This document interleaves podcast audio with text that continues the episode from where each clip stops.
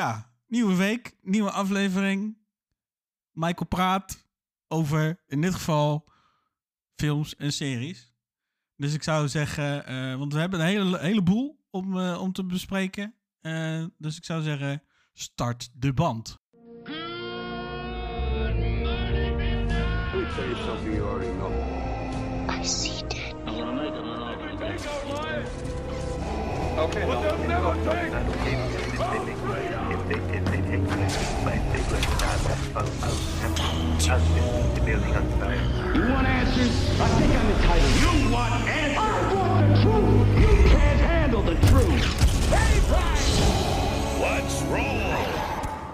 Ja, leuk dat je luistert naar aflevering 36 van uiteraard Screen Talk, de podcast.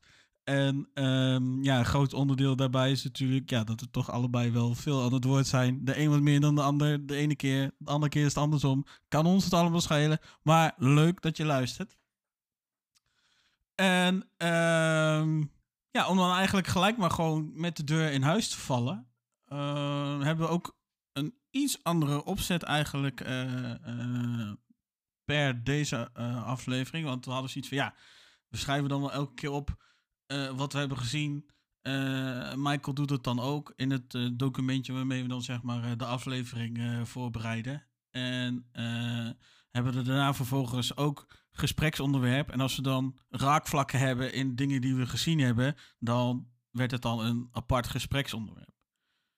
Dat ja. was dan natuurlijk dan wel een beetje driedubbel op. Dus we hadden zoiets van, nee, we gaan het nog simpeler, nog slimmer aanpakken. Want wij zijn gewoon slim jongens. Heel slim, heel dus, slim. Dus we hebben dus nu dus uh, iets andere opzet. Wat voor ons in ieder geval wat, wat logischer ook in elkaar steekt. En wat hoop ik ook um, ja, toch ook wel enigszins dan terug te luisteren valt in de aflevering. Ik heb volgens mij meer gezien zelfs dan wat ik hier heb opgeschreven. Maar mijn of mijn geheugen laat me in de steek. Of het is gewoon niet interessant genoeg om het te vermelden. En uh, ik wilde eigenlijk deze week met wat minder goede dingen eventjes aftrappen. Zo heb ik bijvoorbeeld, trouwens, het is ook al wel wat langer geleden, want deze aflevering is eigenlijk een uitgestelde aflevering, omdat we vorige week natuurlijk de aflevering van House of Cards Part 1 had, hadden. Ah, ja. En daarvoor hadden we een weekje geloof ik niks. Ja, precies. En daarvoor dan weer een reguliere aflevering. Dus dit is een accumulatie van, nou ja, in ieder geval dan dus drie weken van content en dingen die we dus gezien hebben. En uh, in die weken heb ik onder andere gekeken naar Behind Your Eyes. Een serie op Netflix is dat. En de, de, serie die zit op zich verder goed in elkaar. Ook qua verhaal. En de personen zijn op zich ook goed gecast. Ik vind niet dat iedereen die zijn rol heeft in Behind Your Eyes... dat die nou zo, zo slecht speelt. Een van de hoofdrolspelers uit Behind Her Eyes, die speelt een psycholoog of een psychiater, ik weet even niet meer precies. Maar hij heeft ook gespeeld in Lucifer, geloof ik, als een, een van de broers van Lucifer.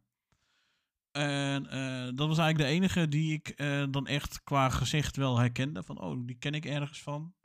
En ehm, was, wel, was wel interessant. De serie gaat vooral over, ja, het, het is een, het is een dramaserie, wat dan ook een beetje, uh, ik zou het bijna psychedelic uh, Het, het grappige is, zonder dat ik je keihard onder... Maar ik zat te denken, hebben we het hierover gehad? Ja, we hebben het hier in aflevering 34. Hebben we het over gehad? Ja, en ik zat te denken Oh. van, is dit een nieuwe serie Nee, ik dan? heb, ik heb hem nu dus af. En ja. eh, het, nou, ja, dan, dan, dan, haak ik hem, dan maak ik hem verder ook even kort. Ehm, op zich een goede serie. Het einde vind ik dan wel een beetje, eh, hoe, hoe moet ik het zeggen, eh, afge, afge, nou ja, alsof ze in één keer moesten opschieten en, en een einde moeten hebben. Dus het is een beetje afgeraffeld. Hè. Ah, oké. Het is een En, miniserie of gewoon... komt een... Het is een miniserie, eh, acht, acht afleveringen geloof ik. En op zich super interessant. Maar eh, ja, dat einde, dat is, gewoon, dat is gewoon afgeraffeld. En dat is, vind ik althans, wel jammer. Ehm, want dan, eh, ja, dan hebben ze het over dat... eh, soms heb je dan wel eens het gevoel als je op bed ligt of je gaat slapen... dat je dan soms in één keer zo zo'n schrikmomentje hebt. Alsof je dan bij wijze van spreken van het stoeprandje Oh, afflikkert. dat heb ik heel vaak. Nou, Ja. ik wou zeggen, dat is echt... Maar sommige mensen die denken dan dus dat je dan... Ja, dat dan de ziel zeg maar even loskomt van het lichaam. En dat noemen ze dan astraal gaan. nou, dan heb ik dat echt heel die, vaak. Die, die ervaring. Ja. Maar hier in het einde van deze serie, dan gebruiken ze dat principe. En op zich is dat best wel interessant. Ehm, want een van die figuren die gebruikt dan dus dat astraal gaan. En die komt op die manier, komt zij dan dus achter dingen te weten die je anders niet zou kunnen weten. Eh, want die psychiater waar ik het net over had en eh, de hoofdrolspeler, die gaan dan dus een affaire ook aan en bla bla bla bla bla. Maar uiteindelijk, dan weet, dan weet die vrouw van die psychiater, die weet daar dus van. En dan blijkt dus achteraf dat ze dat weet, doordat ze dan dus zo astraal eh, gaat. Oh, oké. Maar wat, er, maar wat er uiteindelijk dus gebeurt, ehm, is dat eh, dan gaan ze er eigenlijk ook vanuit dat je met dat astraal gaan eh, ook van lichaam kan wisselen. Ah, oké. En ik zie je al kijken inderdaad. En dat is dus inderdaad precies hetgene waardoor ik het allemaal een beetje vreemd, eh, vreemd einde vind. En ja, het, geeft mij althans, het gaf mij althans het gevoel dat het wat afgeraffeld is. En eh, wat verder op zich gewoon een goede serie was. Dus die laatste aflevering, die verkloot voor mij echt eh, ja, het einde van de serie. En dat vind ik eigenlijk gewoon eh, jammer. Het is te hopen dat het dan een, een miniserie... Want kijk, kijk, we zitten in een tijdperk dat we eigenlijk alleen maar series krijgen. De ene en de andere. Het maakt niet uit, ze worden er allemaal uitgestampt. En ze moeten allemaal twintig seizoenen krijgen en, en dat moet allemaal. En ik vind het niet erg om een keer een serie te kijken. Maar het is ook wel een keer fijn om gewoon dan een miniserie te hebben. Wat gewoon een paar afleveringen heeft, daarna is het afgelopen. eh, en klaar. Dat vind ik trouwens ook heel erg jammer dat Apple toch die ene serie ehm, een seizoen 2 gaat geven. Hoe heette die? eh, niet Hayek, maar ha- Ja, Hijack, die krijgt ook Hijack, een seizoen 2. ja, maar je snapt welke Hayek ik bedoel. Je snapt welke wie ik bedoel? je snapt welke Hayek ik bedoel. als, je, als ik even refereer aan onze WhatsApp diepgaande gesprekken. Niet? Het kwartje valt Nee. niet. Komt niet. Nee. Maakt niet uit. Z- Zal ik naar de From Dusk Till Dawn? Nog niet? Nee? Oké, we gaan verder. Jezus, hij, hij Doe doet alsof hij het gewoon niet weet. Maar hij weet het wel, die smerige jongen. Nee, maar ik heb geen, geen idee. Selma Hayek, weet je wel? Dat is, laat maar. Nog niet? Ik- eh, nee, nee.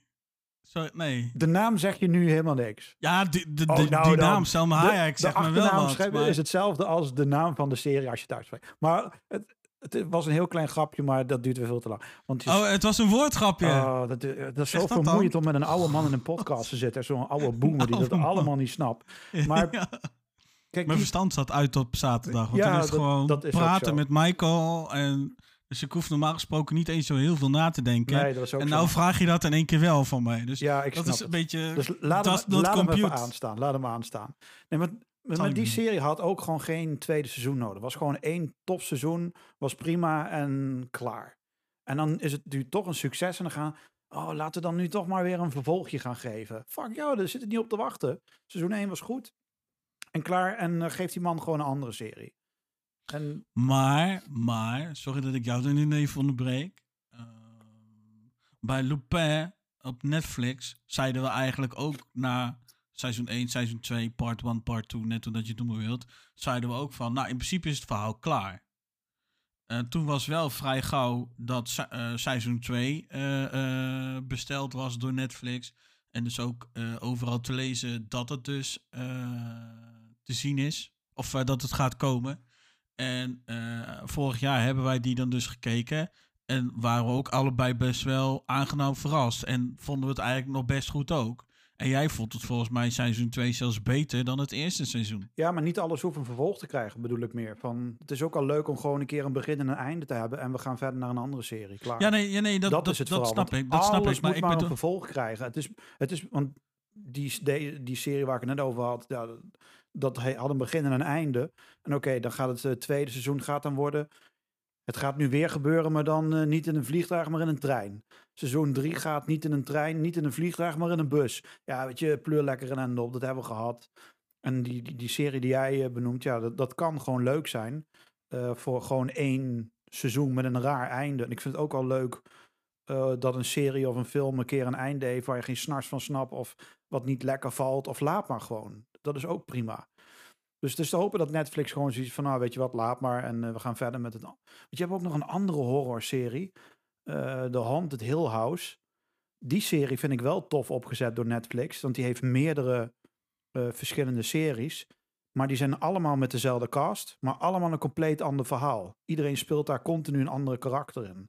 En dat, heb, dat vind ik dan wel weer tof. Dat je eigenlijk dezelfde cast hebt. Maar dan in een andere serie. Maar wel een horrorverhaal.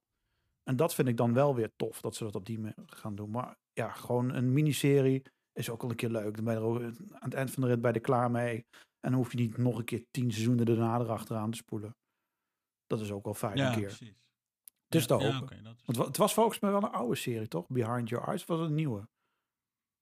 Maar in 2021 zie ik al. Eh, ik kan het zeggen, volgens mij wel redelijk nieuw. 2021, fe- 17 februari 2021.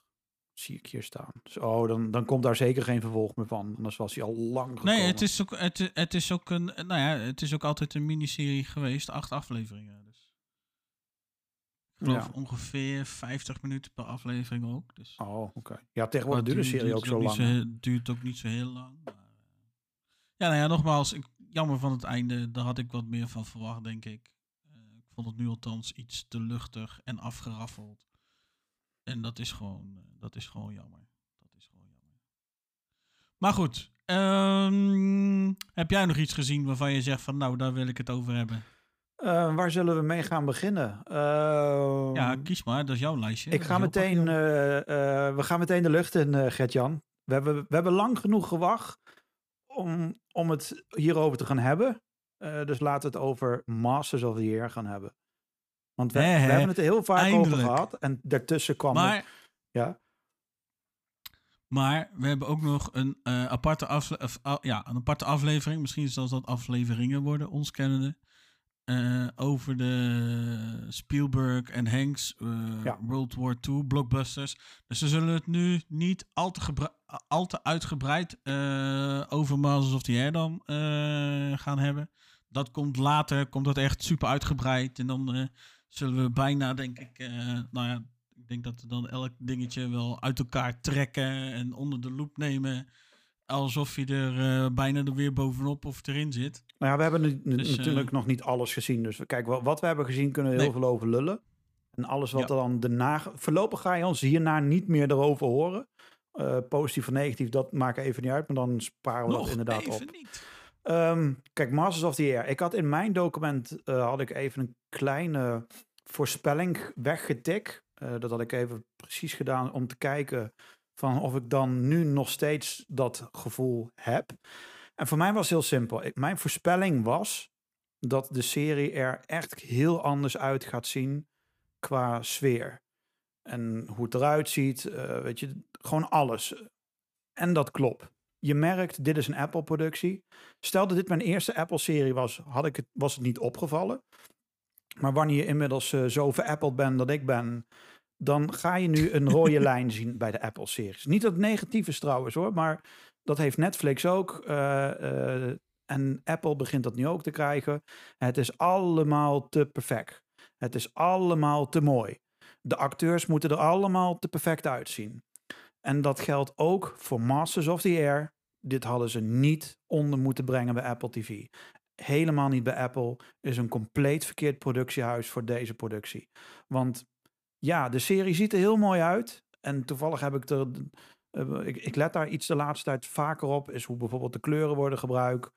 eh, hoe dat overkomt op het scherm. En Masters of the Air die heeft al een paar kleuren wat er echt uitspat. Geel, groen en blauw. Als je erop gaat letten. Een heel, eh, is een hele mooie toon. Hoe dat continu op je scherm. Het heeft een heel warm en heel mooi gevoel.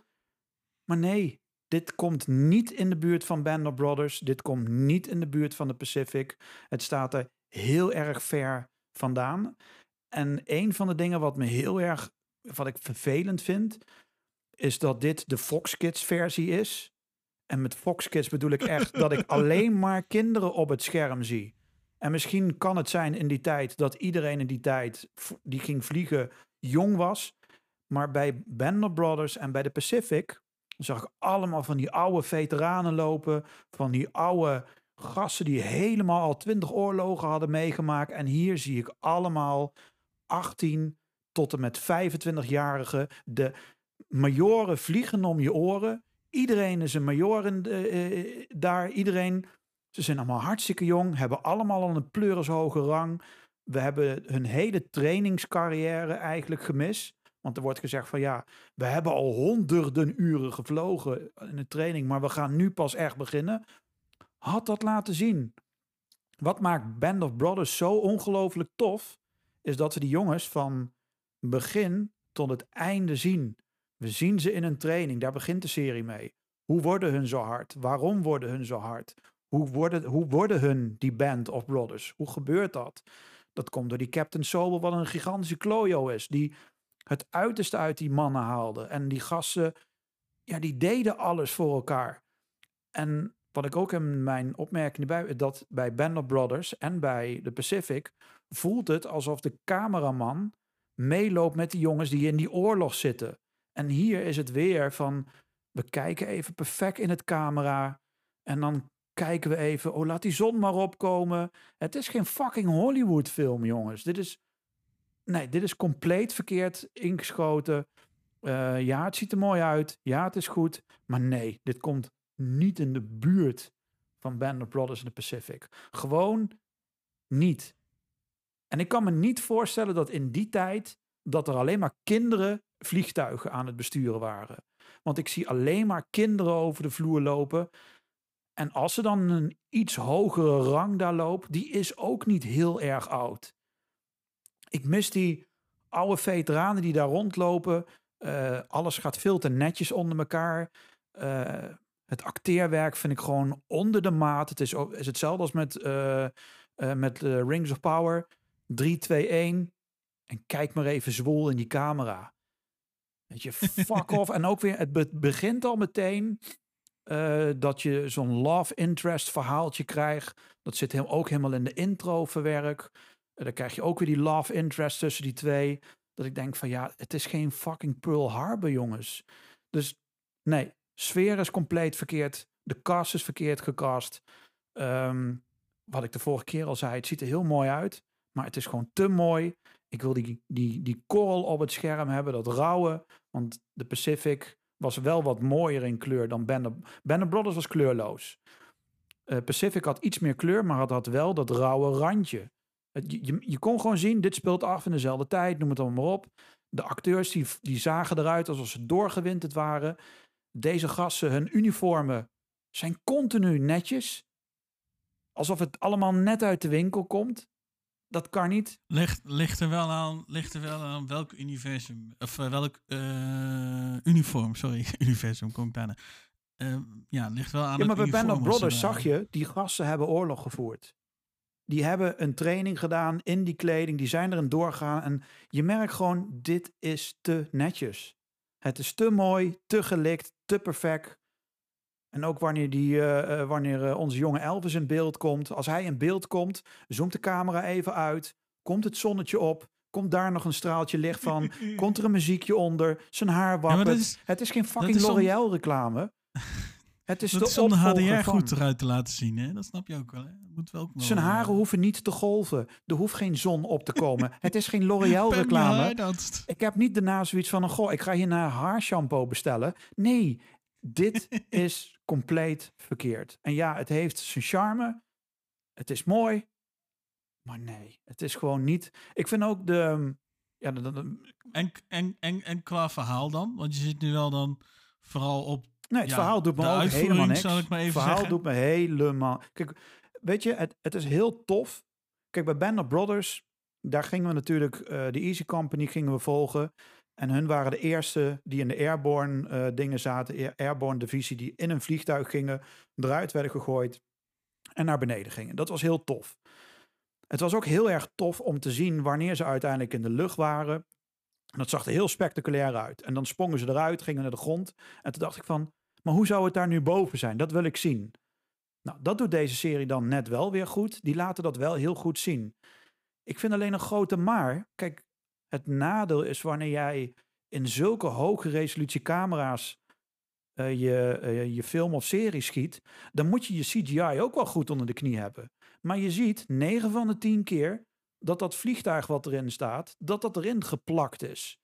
Het is je merkt het verschil tussen de vliegtuig en tussen het beeld voor en achter. Je ziet, die vliegtuigen zijn nu ingeplakt.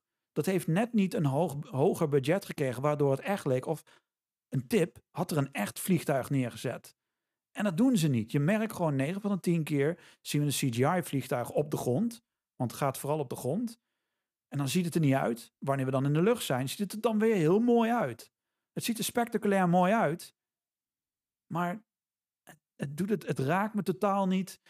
Ik heb, ben nu twee afleveringen verder. Ik heb totaal geen band met die jongens. Band of Brothers, Pacific. Meteen, de eerste vijf minuten. Je hebt het meteen. Alle karakters worden goed voorgesteld. Eh, de ene heeft humor, de andere heeft niet.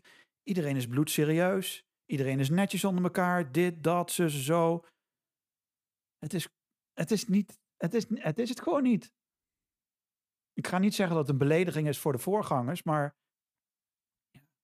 Tom Hanks en Steven Spielberg. Nee. Dit vliegtuig gaat echt keihard naar beneden, wat mij betreft. Jammer. Oké. Maar ik, ik had Nee, ik- al wel dat vermoeden dat het die kant op ging, omdat de trailer al die indruk gewoon heel erg gaf. En je wou de trailer niet kijken? Ik heb de eerste trailer natuurlijk gezien wat een jaar geleden uitkwam. Oh, die bedoel je. Oké. En toen, merkte, precies. toen had ik al zoiets van, nee, dit is gewoon niet. En weet je, die, en, en daarna mag jij, die, die intro, die is het ook gewoon niet. Want Oh, ik vind juist, eh, ik vind hem muzikaal gezien best wel goed. ja, maar als je, ze, ze proberen toch weer een beetje een Pearl Harbor-achtig sfeertje erin te creëren. Van hè, dat, dat, dat love interest tussen, die, eh, eh, tussen Elvis en tussen Blondie. En het had niet gehoeven. Het is gewoon niet rauw genoeg, deze serie. Wat gewoon in die trilogie gewoon echt wel hoort. En ja, ze kunnen, het, het, is, het is gewoon niet gelukt. Tenminste, vanuit mijn kant hebben ze gewoon gefaald. En die serie zou ongetwijfeld nog hartstikke goed worden. En ik zal het ongetwijfeld ook he- heus wel afkijken van begin tot einde. En dan zal ik er ook best wel toffe dingen. Maar het is niet Band of Brothers. Het is niet de Pacific. En het komt er nu niet in de buurt. En het zal er ook niet in de buurt komen. Ik vond wel ah, En dan, dan mag jij echt, dan mag jij echt. Ik vond wel heel grappig die gast die dan eh, moet gaan navigeren. Dat hij dan echt continu aan het kotsen is. En dat hij dan zijn helm vol kots.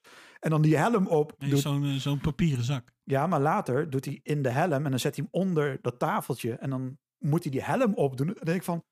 Maar hij had er net ingekotst. Nou, oké, Ja. laat maar. En dan een kwartier later was het van. Hey, eh, ik hoor je niet. En dan was het van. Oh shit, ik ben geraakt, ben geraakt. Doet hij hem af. En dan komt hij erachter. Die natuurlijk die helm heeft vol gekotst. En dat zijn hele hoofd vol kots zit. En dat zelfs de microfoon vol kots zit. Dat, dat vind ik dan wel grappig. Want ja, met Band of Brothers en de Pacific. En vooral Band of Brothers. Die, die humor die die gasten onder elkaar hadden. Dat was gewoon briljant. Dat die op een gegeven moment gewoon richting Captain Sauber. eh, dat die ene gast een of andere admiraal nadeed. En ja, weet- Oh ja. dat, dat ze doen bij, die, bij dat hek stonden om dat open. Ja, maar er staat een hek. Ja, nou en, knip door. Dat hij die hek doorknipt, dat al die koeien ontsnappen. Weet je, die humor onder elkaar, die was gewoon top. Ehm, want die jongens, die hebben ook daadwerkelijk eh, een militaire training gehad als acteur bij Band of Brothers. Die hebben, een, ik geloof een half jaar of een jaar, hebben hun het leger ingezeten en hebben hun geleerd hoe jij moet handelen in het leger en hoe je met elkaar omgaat. En daardoor is Band of Brothers zo ongelooflijk goed op het scherm. Omdat die gasten gewoon weten hoe dat onderling gaat.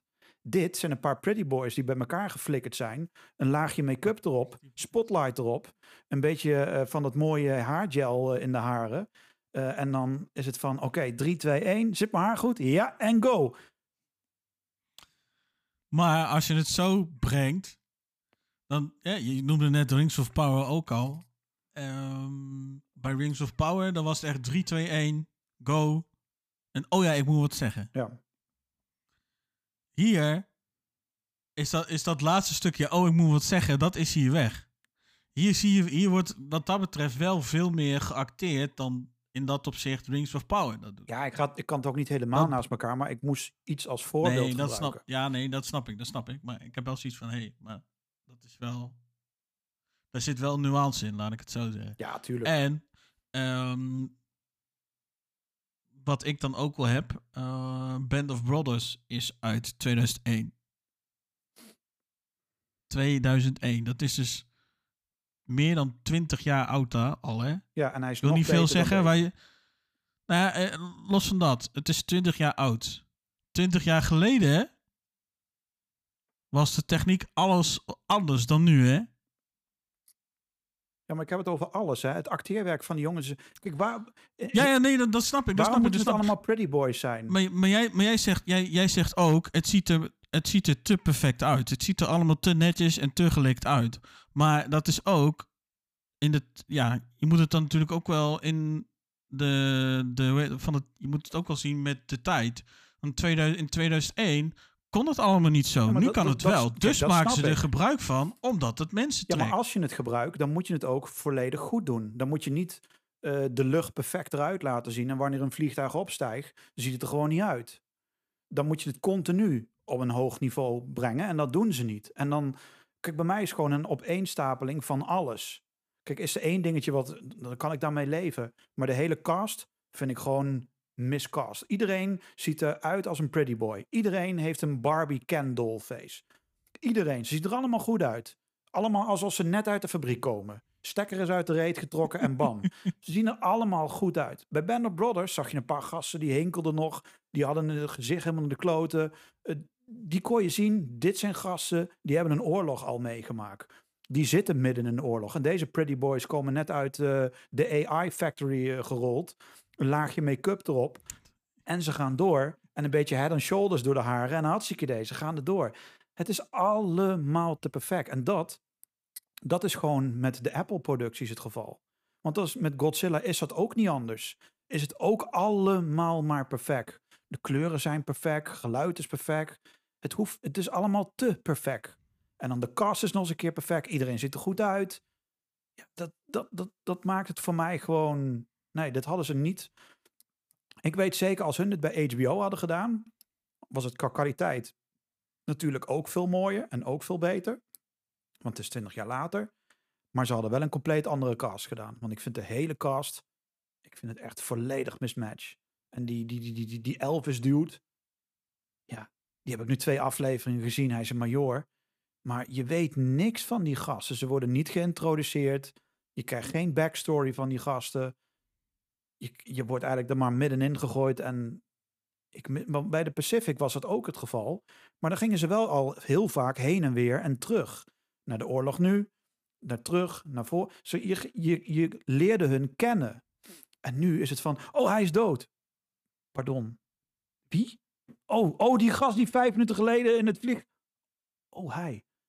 Waar is die, Oh, waar. Waar is die gast die dan net eh, eh, stond? Want ze gaan er maar meteen vanuit dat we ook alle namen kennen. Want die gast die daar staat, die eh, God mag weten wat, maar die opstaat en over, over zijn bureau heen kots. Want de eerste aflevering was echt dat iedereen aan het kotsen was, eh, voor mijn gevoel. Want toen kwam er bloed bij en weet ik het allemaal. En toen ging hij eh, een rondje vliegen. En toen kwam hij terug. En toen was het in één keer van, oké. Ja, die en die, hij heeft nu... ehm, ja, hij is weg. Oh, waar is hij dan? Ja, hij heeft een maagsfeer. Hij is, maar wie was dat dan?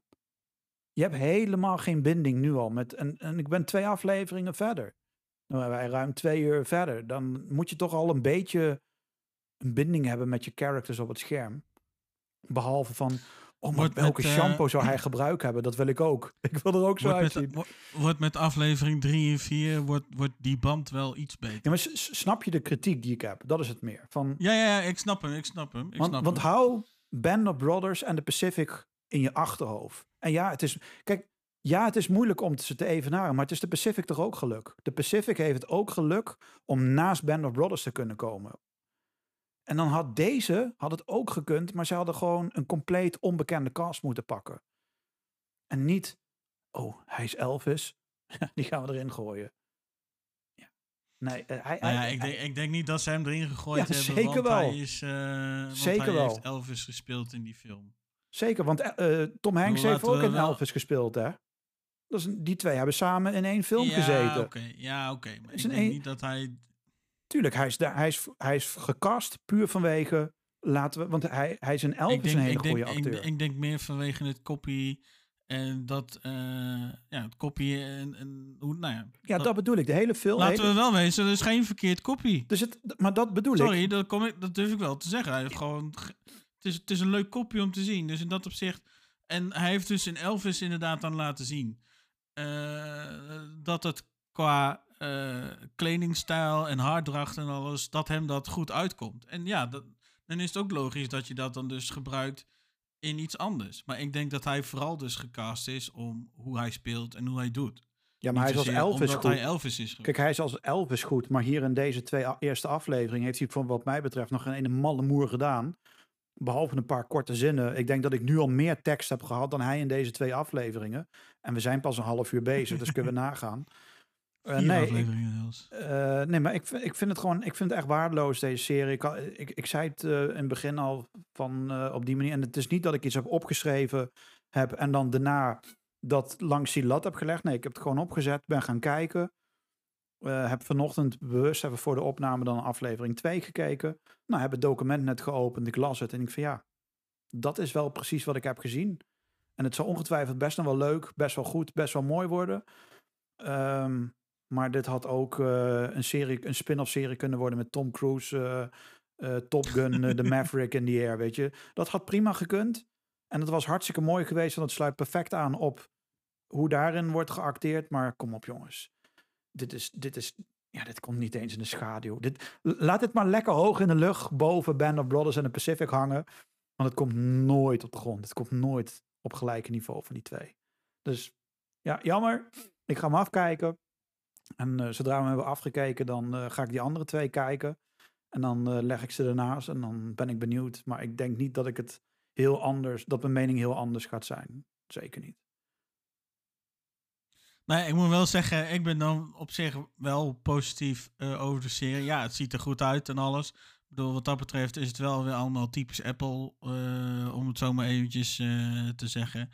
En ik vermaak me toch best wel zeer kostelijk eigenlijk met, met Masters of the Air. En, en daarnaast ben ik ook weer begonnen met kijken van Band of Brothers. Of, nou voor de, voor, voor de special over de Hanks en Spielberg eh, World War II eh, epics, om het zo maar eventjes eh, te noemen.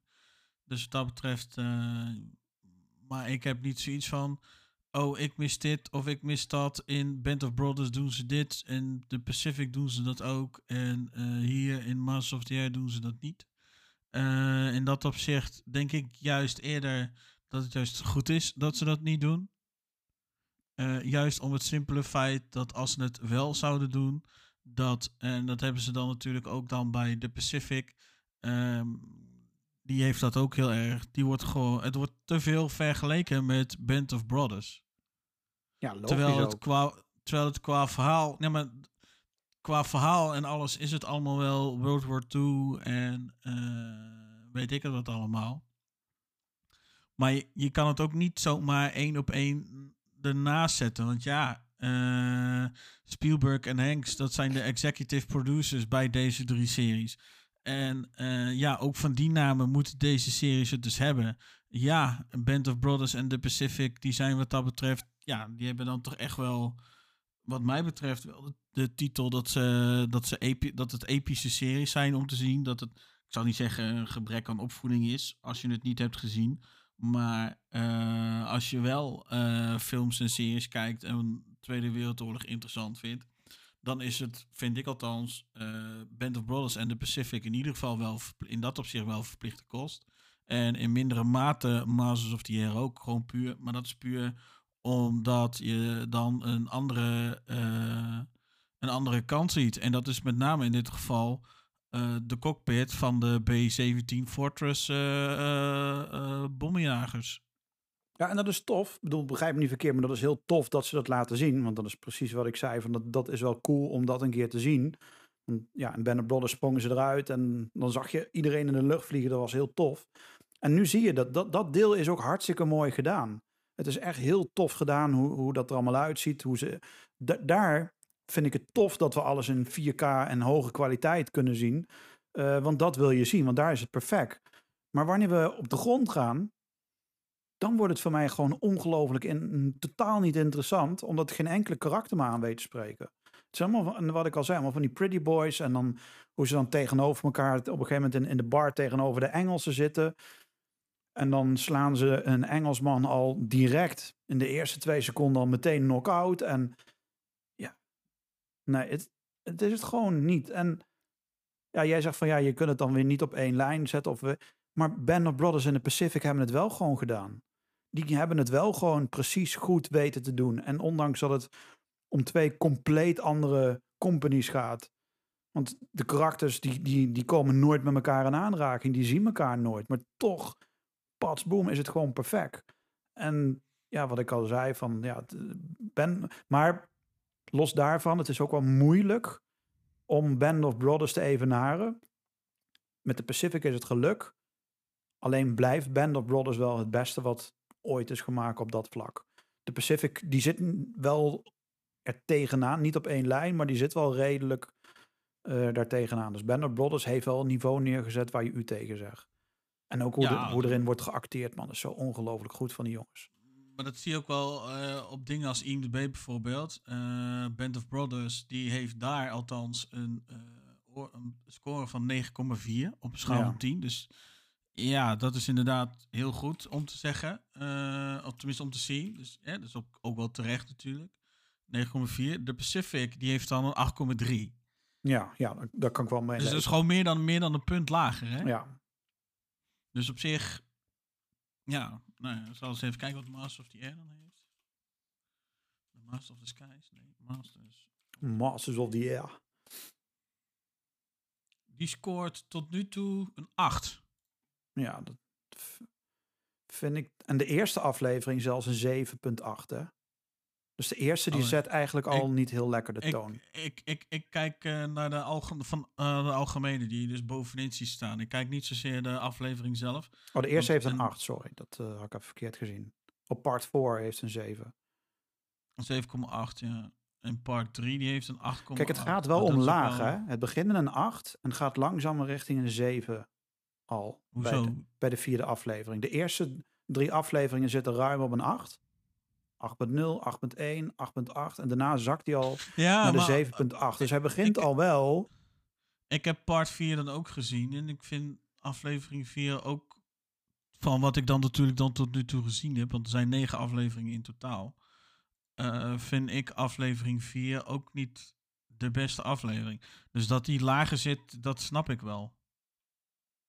Ja, precies. Maar gewoon om, ja, je ziet toch wel Maar het, al het is een ook, beetje eh, een, maar het is bijvoorbeeld lichte- ook niet zo, zoals bij een. eh, even kijken hoor. Zoals bij een The Pacific. Als ik dan alle.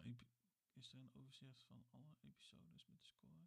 Ja, eh Band of, Bro- of The Pacific, die heeft dat net zo goed. Ik bedoel, de eerste aflevering eh, van The Pacific 7,9. En dan in één keer 8,2, 7,4, 7,6, 8,1, 8,4. 8,4. Nou, het zijn er dus vooral de laatste afleveringen in de serie waar eh, de Pacific het dan dus qua eh, cijfers eh, moet hebben. En wat doet Band of Brothers? Ja, die begint met een 8,6, 9,1, 9, ne- eh, 9,0, 8. Dan zakt het weer, 8, 8. En dan in één keer weer 9,2, 9,4, 8, 7. Dus die heeft ook, die heeft ook niet Klopt, maar een we- constante, het- het- constante lijn of zo. Die heeft ook gewoon meer en minder. Klopt, maar het verschil tussen de Pacific en eh, Masters of the Air is dat de, bij de Pacific dat daar echt een hele goede cast tegenover staat. Dat die jongens die daarin acteren ook echt kunnen acteren. En ik zie daar geen acteurs, ik zie daar soldaten staan. Dat zie ik bij Band of Brothers en dan zie ik bij de Pacific. Bij Masters of the Air zie ik gewoon acteurs staan. En dan zie ik niet een militair of wat dan ook staan. Dus je merkt dat het- hele inlevingsgevoel van deze gasten is gewoon veel minder dan bij, eh, ja, bij die andere series. Maar goed, laten we de, de rest eh, bewaren. Maar ik, ik vind hem gewoon echt heel, heel, heel erg matig. En dan druk ik het nog vrij rustig uit. Dus ik ben benieuwd of ik met wanneer ik alles heb gezien, of ik nog steeds, nog steeds zo zuur ben of niet. Nou ja, de tijd zal het leren. Ik bedoel, er moeten nog vijf afleveringen komen natuurlijk. En eh, nou ja, wat ik zeg, eh, je ziet dat bij sommige series de laatste af... eh, bij de andere twee zie je ook dat de latere afleveringen toch vooral dan voor het cijfer eigenlijk gaan zorgen. En misschien is dat hier dan ook wel. Ja, maar Ja, voor mij... We, we, we- we weten het niet. Kijk, los- los ja, van je moet het boek gelezen hebben, want het is een verfilming van, een verfilming van het boek. Hè? Ja, maar los van, van die mooie cijfers. Ik had bij allebei de series, Band en eh de Pacific, meteen bij de eerste, eerste paar minuten, had, hadden beide series me gegrepen. Meteen. Ja, Ik zat er meteen is, in. Is deze serie wel iets afstandelijker, maar ik vind dat niet een groot probleem. Voor mij wel. Ik vind het echt gewoon, ja, het, het matcht gewoon niet. Bij die andere twee had ik meteen, patsboom, je hebt me. En ik wilde het zien en ik kijk het nog een keer en nog een keer en nog een keer. En bij dit ben ik blij als ik het heb gezien. Dan kan ik verder met mijn leven. Net als dat we Oké, nu nou verder ja. gaan. Ja, precies. Dat gaan we dan ook zeker doen. Om je dan toch eh, enigszins te verblijden. Dat is een film die je ook niet eens zo heel lang geleden hebt gezien, denk ik. En ehm, volgens mij heb jij denk ik ook vooral gekeken vanwege haar. Ik weet niet welke, of welke film je het hebt, jongen. Jij weet niet over... Nee, kom op hé. Welke, welke film gaan we het hebben? Ik wil het graag horen. Ja, welke denk je? De Marvels natuurlijk. We Kijk. moeten, we moeten natuurlijk wel de, de titel van deze aflevering eer aan doen. Hè? Dat we bedoel ik. Het er niet, we, kunnen het, we kunnen het niet overslaan. Dat staat notabene in, ehm, ja, in het dingetje, eh, in de afbeelding voor de aflevering hebt gemaakt. Marvel nog meer afbranden, kan dat echt? Ja, dat weet ik. Nou ja, laatst hadden we het erover Marvel afbranden. En eh, volgens mij was dat zelfs de vorige reguliere aflevering, zal ik maar even zeggen. Dus we gaan nu lekker vrolijk verder. Kunnen we Marvel, kunnen we Marvel inderdaad nog verder afbranden? Ik zeg ja. Waarom? Wa- wa- wa- Waarom? Waarom Omdat dit gewoon Marvel- een scheidfilm is van A tot Z. En dan kan, kan je wel zeggen van ja, maar Brie, Brie Larson dit en Brie Larson dat. Nee, nee, nee Michael. Ja, ze ziet er misschien leuk uit. Ik heb om nog niks te zeggen. zeggen. Dit is allemaal buiten de podcast om. Ik heb nu ja, nog niks gezegd. Maar kom dus op. jij Nee, valt me maar- al aan op het feit dat ik iets wel of niet ga zeggen. Maar even je eigen mening. Waar- waar- waar- waarom vond je deze film zo slecht? Ik vond, nou, gewoon van A heb tot jij Z. iets tegen vrouwen in films? Ik heb niks tegen vrouwen. Ik heb echt niks Hij tegen is vrouwen. niet woke, jongens. Nee, maar goed. Maar kijk, is heel, woke. heel, heel simpel. Kijk, het verhaal is slecht. Dat klopt. De film is slecht. Dat klopt ook. Maar wat wel een keertje goed is, is dat de CGI dit keer wel gewoon redelijk oké is. Ja, Voor maar Marvel, kom op? Michael. Dus, ja, oké, maar kom op. Je kan niet zeggen... Je, het is gewoon... u- Kijk, ik, ik, ik, Ik, vind het... Ik, ik vind... De CGI is goed of beter. van Marvel, zoals jij het al schrijft, beter dan je had verwacht. Ja, ja, ja, ja, ja, dat snap ik, dat snap ik. En ja, dat is zeker zo. Al zie je op sommige plekken ook wel...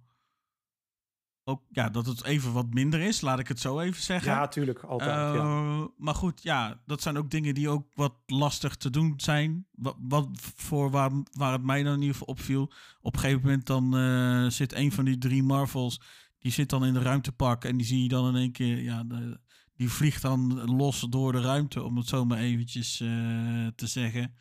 En eh, ik vond dat stukje wel super slecht om te zien. ja, deze film is ook wel Tenenkrommend, oprecht slecht. Ik bedoel, eh, kijk, heel- de film is ook gewoon vind- slecht.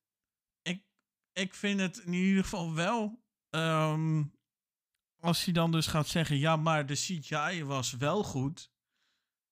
Vind ik wel een Ja, maar dat één puntje wat ik opnoemde, hè? Ja, nee, dat snap ik, dat snap ik, dat snap ik. En natuurlijk, er is meer met de film. Maar om dan te zeggen, ja, de CGI was wel goed. Ja, tot op zekere hoogte was de CGI inderdaad ook goed. Ja, maar waarom zeg ik dat nu? Omdat het ik voorheen vind dat- altijd ik vind was. En nu beter. Ja, dat snap ik. Maar ik vind het niet een argument om dan te zeggen dat het denk je een goede film is. Maar dat Want zeg ik ook Dan niet. gaat het gewoon puur om het verhaal en, en het acteerwerk. En ja, nou ja, sommige, sommige karakters in de, in, in de film, die zijn ook wat dat betreft ook wel goed gecast. Leuk dat Brie Larson er inderdaad in zit. Maar jij kijkt ja, Marvel-films omdat ze, zo goed acteren in die films. Ze hebben geen enkele film van Marvel Nee. goed geacteerd. Altijd middelmatig. nou, Kom op. nou, Zelfs, zelfs de, Sorry, de maar- eerste tien jaar sorry, was slecht. maar was oké geacteerd. qua, acteer, qua acteerwerk was tot en met eh, Endgame was dat veel beter dan alles wat erna uitgekomen is. Ja, tuurlijk. Maar het is geen Shawshank Het zou- Redemption acteerwerk. Weet je, het is allemaal nee, maar dat verwacht, je, dat, dat, dat verwacht je ook niet bij zulke films. Nee, maar dat wil ik even duidelijk maken dat ik- jij wel ik- bedoelt ik, dat... ver- ik, ik verwacht wel dat het dan wel enigszins geloofwaardig is. Zoals bij, ehm, hoe heet die serie nou? Over, eh, over, eh, Ja, ik weet, ik weet wat je bedoelt. Hoe heet die- hoe heet die met, serie Met nou? Fury eh, was dat, ja. Of ja, die. Daar, had ik, daar, Ja, daar klopt. vond ik het nog een. Qua acteerwerk, hè? Dan heb ik het even qua acteerwerk. Dus niet qua verhaal, alles. Dat was ook wel redelijk flut, zal ik maar zeggen. Het is ook niet voor niks na één seizoen eh, gecanceld. Maar daar had ik wel, zeker bij eh, Samuel Jackson, daar heb ik. Hij speelt het ondanks dat het. Nou, dat dat dus een kutserie is en dat dit dus ook een kutfilm is. En hij hier in deze film ook niet heel veel. Secret eh, Invasion eh, trouwens, dat is ja, het. ja, ja, dat was het. Secret Invasion inderdaad, dankjewel. Eh maar ondanks zie je wel, zie ik althans bij Nick Fury dat die lijn, zoals hij zijn rol heeft, Samuel L. Jackson met, nou, voor Fury dus, die, ik zie hem wel een constante lijn houden daarin. En hij is daar volgens mij wel de enige erin. Brie blijft ook wel een beetje in de rol. Voor de rest zijn het dan vooral nieuwelingen die dan dus in deze film er in één keer erbij komen. En ja, dat vind ik eigenlijk ook wel een beetje jammer. Ik denk met Marvel. Marvel had zoiets van: hey, oké, we, moet, we moeten nu, we hebben nu het oude afgesloten, we moeten nu weer wat nieuws doen. Oké, we doen drie vrouwen in één film. eh, en die moeten nu de hoofdrol krijgen. Vind ik prima, vind ik helemaal niet erg. Twee, laat ik je even corrigeren. Twee vrouwen en een kind. Kom op. Ja, maar uiteindelijk is dat ook een vrouw. Vind ik helemaal niet erg dat dat. Ja, is toch zo? Het is toch een vrouw? ja, ja, ja, Ja. nee, ja, ja. De, want dat, dat, in de film zie je haar ook best wel niet letterlijk groeien. Maar je merkt dat ze in het begin een behoorlijk kind is. En aan het eind van de film is ze redelijk volwassen geworden voor haar doen. Ja, ze, ze, wordt, ja, ze wordt dan wel wat volwassener. Precies. En dat is ook meteen mijn, eh, eh, mijn punt van deze hele eh, film. En ook de toekomstige films van Marvel. Kijk, het is allemaal hartstikke leuk dat nu kinderen langzaam een superheld Ja. gaan worden. Dan val ik heel, heel even in de reden. Bedoel je dan Marvel als in het merk Marvel? Of Ja, bedoel je alles. Marvel Gewoon als alles in... wat onder Marvel valt. Eh. Want nu, nu heet iedereen in één keer de Marvels. Terwijl in de eerste Marvel-film werd dat zij werd genoemd, was het de Marvels. Maar goed, lekker belangrijk. Net als eh, de heel Marvel op dit moment. Maar het punt is dat we nu steeds meer kinderen in films gaan krijgen. En ik zat gewoon naar, en dan noem ik het weer, weer naar een Fox Kids film te kijken. Want het is heel leuk dat ze een kind erin stoppen die dan een hoofdrol krijgt. Hartstikke leuk voor dat kind. Maar die trekt wel dat hele niveau in één keer omlaag van die hele film. Van een iets serieuzere film naar continu domme grappen of domme humor die er totaal niet in past. En ik snap het, ze is een kind, dus zij reageert zo als zij eh, Brie Larson in één keer tegenkomt. Dat ze helemaal als een fangirl doet. Tuurlijk, Idolaat, ja. ja, dat zou iedereen doen. Dat snap ik ook wel. Maar als dit ja het of je niet... moet Gert-Jan eten, hè? Ja, of Michael, dan hangt de broek al op de enkels. Maar om, om als dit de toekomst gaat zijn dat de Marvel-kinderen de Marvel-films gaan domineren, dan hoef ik daar niet zo heel erg graag naar te kijken. Want aan het eind van de film zie je dat dat meisje dan uiteindelijk dan eh, naar die andere gaat, naar die eh, Miss Hawkeye, die dan ook weer in één keer vervangen dan is door, door een kind.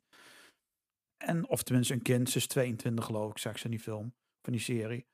En dan gaan we dus nu allemaal kinderen krijgen die dus de Marvel-films gaan doen. Dus we krijgen jonge Avengers en dit en dat. Dat werkt gewoon niet. Kijk, met, met, met Tom Holland, die was vrij jong toen hij in de, de Marvel Universe kwam. Best jong Als Spider-Man. ja. Spider-Man. Maar hij doet dat wel perfect. Je kan hem lachen, het past precies bij hem. Maar nu moet in één keer elk kindkarakter moet allemaal maar grappig zijn. Terwijl hij, Tom Holland, weet dat hij weet Peter Parker precies goed neer te zetten. Hij weet wanneer die grappig moet zijn, wanneer die serieus moet zijn of wanneer hij daartussenin moet zitten. Dat doet die jongen perfect. Er is gewoon geen betere Peter Parker. En wanneer die Spider-Man is, weet hij het af en toe iets serieuzer op te pakken. Want ja, hij is wel Spider-Man, hij moet wel het een en het ander doen. Maar hij weet wel weer heel makkelijk weer die grappen maken te worden. En dat doet hij perfect. En nu krijgen we een hele batterij aan kinderen. En allemaal acteurs die het allemaal niet kunnen. Maar die dan toch wel weer grappig moeten zijn. En die... Ja, het is gewoon... Het is zonde. Het is oprecht zonde. De film, ik had natuurlijk echt 0,0 verwachtingen van. eh, want ja, het is een blijven Marvel film. Waarom kijk je het dan, Michael? Nou, dat komt omdat ik een jaar voor Disney Plus heb betaald. En ik was te laat met afmelden, dus dat ging gewoon door. dus vandaar dat je dan daaraan vastzit. Dus dan kijk je gewoon die dingen. En eh, tuurlijk, in mijn, eh, in, in mijn document heb ik dan eh, bij een punt neergezet van Brie Larson is nu ook eindelijk ehm, een Disney-prinses. Nou, dat klopt. Want ja, Marvel valt onder Disney. Ze is een prinses geworden in de, in de film. Die scène trouwens, hè. Wat een fucking irritante scène was. Ze komen op die planeet. Hartstikke mooi. Hartstikke Ja. tof. Ja, ja, ja, En- ja, ja. Brie Larson, die kan dan... Ja, maar iedereen zingt. Die denkt, oh, nee. ja Nee, ik, nee, nee, toen- doe, doe het niet. Ik, ik had het nog niet gedacht en iedereen begon te zingen. Dat ik echt maar, dacht maar, van... maar, los, maar los van dat, toen ze daar dan zeg maar geland waren of gearriveerd waren, laat ik het dan even Ja. zo zeggen. Toen had ik al zoiets van, nee toch, dit gaat toch niet diezelfde, diezelfde kind, kind, ja, kinderachtig wil ik het, het net is niet kinderachtig. noemen. Maar, Ja, mag wel kinderachtig genoemd worden. Oké, nou dan wel, dan noem ik het lekker wel. Ehm, ik kreeg daar echt gewoon van die, net als van die vibes zoals bij eh, Thor, Love and Thunder. ja, precies. Daar gingen ze op een gegeven moment ook ergens naartoe en dat was ook zo raar en zo. Ik kon er niks mee. En een kon ik bij, bij, deze scène, bij deze scène kon ik daar ook gewoon absoluut niks mee. Al moet ik dan weer wel zeggen. ehm, op een gegeven moment dan spreekt hij, hè, de- haar man waar ze dan mee getrouwd is, die prins, die spreekt dan ook in een bepaalde taal. En denk van, nou, dat zou op zich, dat was op zich wel interessant, zal ik maar even zeggen. Maar hij sprak ook Ehm, Engels. Hij was meertalig. Maar ja, hij, hij was dan een van de weinigen die dan ook meertalig was, inderdaad. En die dan ook eh, Engels kon. Dan denk ik van ja, Maar zo, zo lul je eigenlijk ook wel weer recht wat krom is, hè? Het grappige was wel, daar, daarna kwam wel meteen de hoogtepunt van de film. En dan, dan, daarna is het ook echt niet meer eh, omhoog gegaan. Daarna is echt... Dat, hoe Brie Larson daar stond, eh, sorry, eh, maar die zag er wel echt gewoon perfect uit. Dat ik dacht van, holy In die, shit. in die, Maar in toen die ging ze zingen. bedoel? Toen ging zij ook zingen. Toen dacht ik van, Ja, nee, dat... Want dit was natuurlijk een hele Bollywood-scène. Want dit was natuurlijk helemaal gericht op die eh Indiase actrice die erin meespeelt, die Miss Marvel.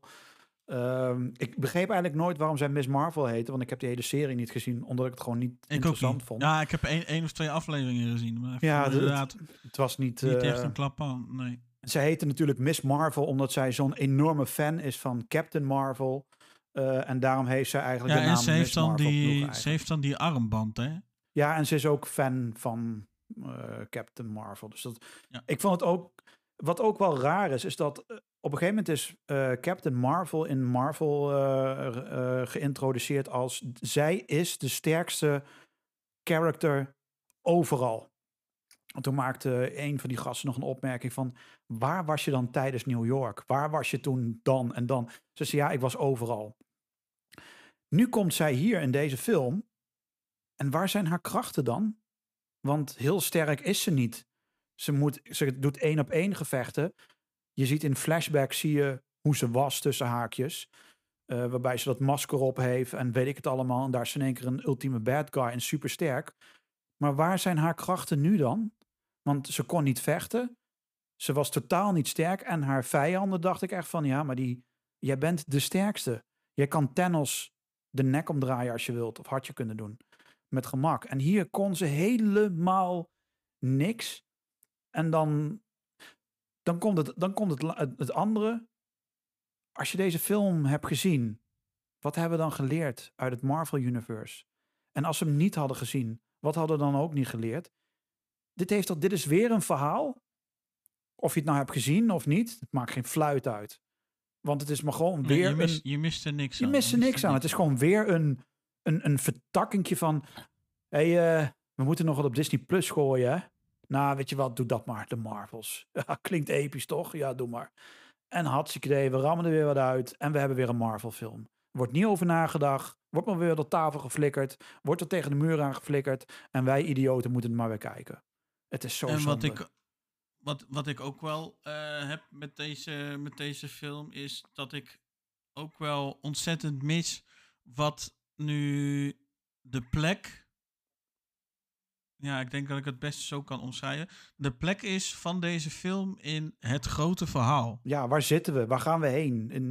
Je kan wat dat betreft best wel merken dat, ja, misschien is Kang hier er tussenuit gewerkt, dat weet ik even niet, Kang de Conqueror. ja. Maar ja, Die werd ook niet genoemd hè, in de film. Er werd niet, nee, werd niet genoemd. En nou ja, terwijl toch de film al volgens mij voor dat gezeik met die Ja, acteur, zeker, ja. eh, opgenomen was en gedaan. Dus je zou dan wel zeggen van nou, is het dan misschien ertussen uitgeknipt? Of wat is er dan? Maar ik, ik mis nu gewoon het raakvlak. Ik heb echt het idee dat ik nu dus naar een losse film heb gekeken. Ja, die heeft, een, die heeft niks met ja, de Die, hele wel, die, dan wel in het, die dan wel dus in het MCU zit. Want Brie Larson, of eh, sorry, eh, Miss Marvel, die zat er natuurlijk al bij. Want eh, Avengers Endgame en... nou, is natuurlijk de eigen losse film. Endgame en hoe heet die film die ervoor? Infinity War. Infinity War. Die, eh, daar zat ze natuurlijk ook eh, in. Dus wat dat betreft, ja, is het dus wel een MCU-film. Maar ik mis echt gewoon totaal het raakvlak met het grote verhaal. Ja. Dat mis ik echt. ja, want dan, ik denk dat, dat de aftercredits eigenlijk wel een beetje een antwoord geeft. Dat het helemaal, dat het wel nu afspeelt. Of in ieder geval aan het eind. Want de aftercredits, ik heb in mijn eh, documenten bij vermeld dat het eh, slecht en waardeloos was. En dat is het ook. Ik heb nog, kijk, Marvel staat er bekend om. En ze zouden daar een keer een award voor moeten krijgen. Van hoe kut kunnen wij de CGI krijgen? Kunnen we het nog kutter? Ja, het kan. En dat hebben ze nu met de aftercredits hebben ze bewezen dat de CGI echt nog slechter kan dan, dan een, een Sharknado film. Want wat zag die beest er lelijk uit? Dat ik echt dacht, ik, ik snap dat Kelsey Grammer niet eh, voor één minuut volledig in een outfit eh, wilde. Want dat heeft hij in de X-Men films, heeft hij dat natuurlijk wel vroeger gedaan. Oh, hij is de acteur die Beast speelt. Ja, die eh, van, van Fraser. Hij doet de stem, maar hij doet ook, hij is gewoon Beast. Want in de oude X-Men films speelt hij Beast. Dus ik snap dat hij niet voor één minuut helemaal 20 uur in de make-up wilt. Maar kom op, dit is een, een, een. De Marvel films kijk je eigenlijk. Of Marvel heeft de trend gezet door een after-credit scène te maken. En in sommige Marvel films hebben ze zelfs twee gedaan. En die waren altijd vet. Denk aan eh, de eerste Iron Man film waarbij dat het schild van eh, dingen kwam en, en de, de hamer van Thor. Weet was altijd iets tofs, was altijd iets episch. En nu krijgen we de fucking X-Men. Krijgen we dan nu, wordt nu geïntroduceerd. En als ik jou even heel kort even dan begon bij- de, bij de Stingers, of de after credits inderdaad. Je had in eerste instantie ook geen, niet exact een, nee, laat ik het anders zeggen. Je had niet een exact idee wat met die Stingers bedoeld was. Ja, precies. Je zag gewoon iets en in, bij een van de, dat herinner ik me nog heel goed, eh, bij, ik weet niet eens meer bij welke film dat het is geweest, maar in een van die stingers, dan zie je vervolgens dat iemand een rode cape op zijn schouder doet. Oh ja, ja. En toen ik dat zag, toen had ik echt zoiets van, huh, wat? Nou ja, het zal wel. Op naar de volgende.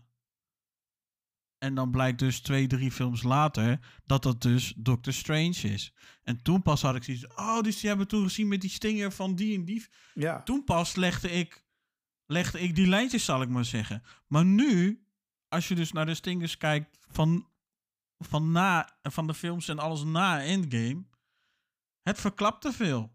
Want zoals wat je, wat, ja, nou, wat je, wat je nu dus ziet, is dat dus door alleen al door deze stinger, dus door de- deze één minuut van dingen, zie je dus gewoon, ze gaan de X-Men Universe in dat opzicht koppelen aan de Marvel Cinematic Universe. En enerzijds is dat misschien ook zeker wel tof. Anderzijds is dat gewoon, vind ik dat, als ik echt heel diep in mijn hart kijk, ja Michael, die heb ik. toch wel. Ja, oké. Ja, verder. Ik, Toch eh, wel. Ik hoor hem af en Maar dan vind, vind, ik, vind, ik, vind ik dat wel ontzettend jammer. Het zijn ju ik vond het juist het mooie eraan dat dat gewoon twee totaal afgescheiden werelden zijn. Maar nu gaat het dus bij elkaar. En God mag weten waarom exact, maar... eh, Ja, het zit natuurlijk... al- Kijk, het, het, ik snap wat je bedoelt. Het, en ze hadden het heel episch kunnen maken. Los van wat ze gaan doen. Wat ze hadden moeten doen, is ze hadden daar Charles binnen moeten laten komen in zijn rolstoel. Of lopend. Charles had daar binnen moeten komen. En Wolverine, Xavier, de huidige. Xavier, die komt ook voor in de Stinger. Ik heb hem wel gezien. Oké, ik, ik heb alleen eh, Beast gezien. Dat die... Maar eh, een paar, ehm, ja, maar daarna dan, dan... Komt er Dan- daarna nog wat? Want, eh, Ja, dus, Captain Picard, Captain Picard, die is dan Xavier. ja, want Die het- zit dan ook in zijn rol. En die, ik weet even niet meer exact wat hij zegt. Maar hij heeft het dan wel tegen Beast. Oh, oké. Ja, want En- bij en mij wordt namelijk denkt- de film afgekapt door Disney. Op dat En punt. dan, denkt het, en dan denkt het schietje, die dan dus die universe dan in één keer door dat gat is gegaan en dan dat gat gedicht heeft, yada yada yada. En dan, is in, dan denkt zij dat eh, dat is die andere die erbij bij Beast staat, dat is Storm. Ja, maar hoe, hoe, hoe, en dan denkt zij dat dat de moeder is, omdat ze één op één op elkaar lijken. ja, maar hoe tof had het... ge- Los van wat Marvel ging doen. Wat ze hadden moeten doen, is zij had wakker moeten worden. En ze had wakker moeten worden in de oude X-Men film. Waar Wolverine ook wakker werd. Tekenfilm. Daar had, hij, daar had zij wakker moeten worden. En dat dan later de echte Charles dan binnenkwam, dat ze hem zagen. Eh, de, die oude acteurs, die hadden ze even moeten laten opdraven. En niet Beast even ge-CGI'd eh, erin plakken. En dan de stem eroverheen. En, en dan een of andere AliExpress storm. Er is maar één storm. En dat is, Dat is zij. ja, maar dat is dat- die andere, Halle Berry, dat is de echte storm. En niet die neppert die we nu hebben. Eh, Oké. Dan ben ik even niet meer bij. Ik moet zeggen, die oude X-Men films heb ik ook maar één keer gezien, lang geleden. En Ja, ik heb ze dat was toevallig eh, vorig jaar eh, allemaal achter elkaar opnieuw gekeken. Maar was ook niet al te best, dus ik heb niet zoiets van, ik wil ze... kijk, maar het maakt niet uit waar, wel, hoe en wat. Marvel had nu, heeft nu de kans kunnen pakken om X-Men op een goede manier te introduceren. Even, in, in, in deze after credits. En ze hebben het volledig op zijn Marvels gedaan, namelijk, we kunnen het niet meer. Marvel moet gewoon kappen. Want ze hebben gewoon laten zien dat ze het niet kunnen. Je hebt de fucking... e- Niet meer kunnen, niet meer kunnen. Precies, maar hoe tof had het kunnen zijn als we een nieuwe Avenger film hadden gehad? Met Cap, met Iron Man, Wolverine, met alle oude bekenden en die dan in een Avenger film. Hoe tof had dat kunnen zijn? En wat doen ze? Ze doen het niet. Nee, we krijgen Wolverine in, eh, in Deadpool 3. Hartstikke tof, maar ik had hem naast Iron Man willen Maar zien. daar kijk ik, daar kijk ik, ondanks, kijk ik daar nog wel naar uit. Tuurlijk, maar het had vele malen toffer kunnen zijn. Als we de huidige Wolverine, of had inmiddels de tijd genomen om een jongere Wolverine te casten, die dan in de MCU ging komen.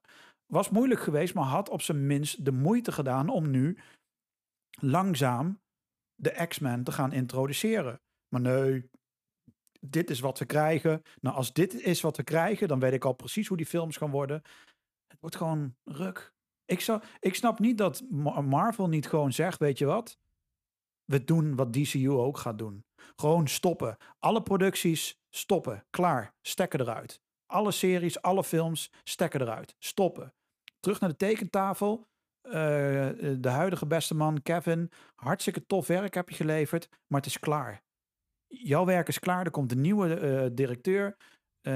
Die gaat nu de hele Marvel opnieuw uitstippelen. Pak maar een nieuwe verhaallijn. Pak maar een nieuwe Iron Man. Pak maar een nieuwe Cap. En ga opnieuw beginnen. Ga weer verder. Wat DC ook gaat doen. Want DC zat op hetzelfde. Die kwam er ook niet meer uit. Maakte alleen maar kutproducties. Al- Alles wat eruit kwam, dat sloeg nergens meer op. Alles was onsamenhangend. Alles deed maar wat. Hup, stekker eruit. Opnieuw beginnen. Klaar. En dat moet Marvel ook doen. Maar nee, dat doen ze niet. Ze gaan gewoon verder met die Nee. shit. En dan komt oma Bob Ja. Iger. Ja, we gaan nu eh, ons alleen maar richten op kwaliteit. Ah, pleur op, man. Je gaat gewoon minder films maken omdat je gewoon geld wilt besparen. Je gaat niet minder films doen omdat je kwaliteit wilt produceren. Nee, je gaat minder doen zodat je minder mensen hoeft in te huren, minder hoeft uit te betalen en dat het minder geld kost. Dat is wat je gaat doen. Hierna komen nog steeds dezelfde kutfilms uit dan En nu. dat, de, en dat de toppersoneel, om het zo maar te zeggen, die, die is natuurlijk ook maar beschikbaar voor een bepaalde tijd in een bepaalde periode. Dus als je dan gaat zeggen van we willen meer films, dan hebben zij niet altijd al die tijd om al hun aandacht te besteden Niet aan meer. al die films. Niet tegelijk in ieder geval. Kijk naar... Dus in eh, dat, in, in, in dat opzicht eh, scheelt het dus. eh, het scheelt Disney in de kosten. eh, en spreidt het dan. En misschien gaan ze dan dus meer over tijd uitspreiden. Zodat dan dus al dat goede personeel. En alle dingen die dan wel goed zijn. Dat die dan ook gewoon beschikbaar is. Wanneer dat het beschikbaar moet zijn voor een nieuwe Marvel film. Maar alle toppers zijn er al uit, Gert-Jan. Ze zijn er allemaal al uit. Robert Downey Nee, Jr. bedoel, is ik- al weg. Nee, nee, nee. Ik bedoel niet alleen qua acteurs. Hè. Ik bedoel dus ook gewoon van de VFX artists en allemaal dat soort dingen. Dat soort personeel, die heb je ook nodig. Want het is niet alleen een acteur met een leuk kopie die, die zijn ding of haar ding moet gaan doen. Ik, eh, ik bedoel dus dat wil je kwaliteit, dan heb je daar gewoon een bepaalde selectie mensen voor nodig, los van de acteurs.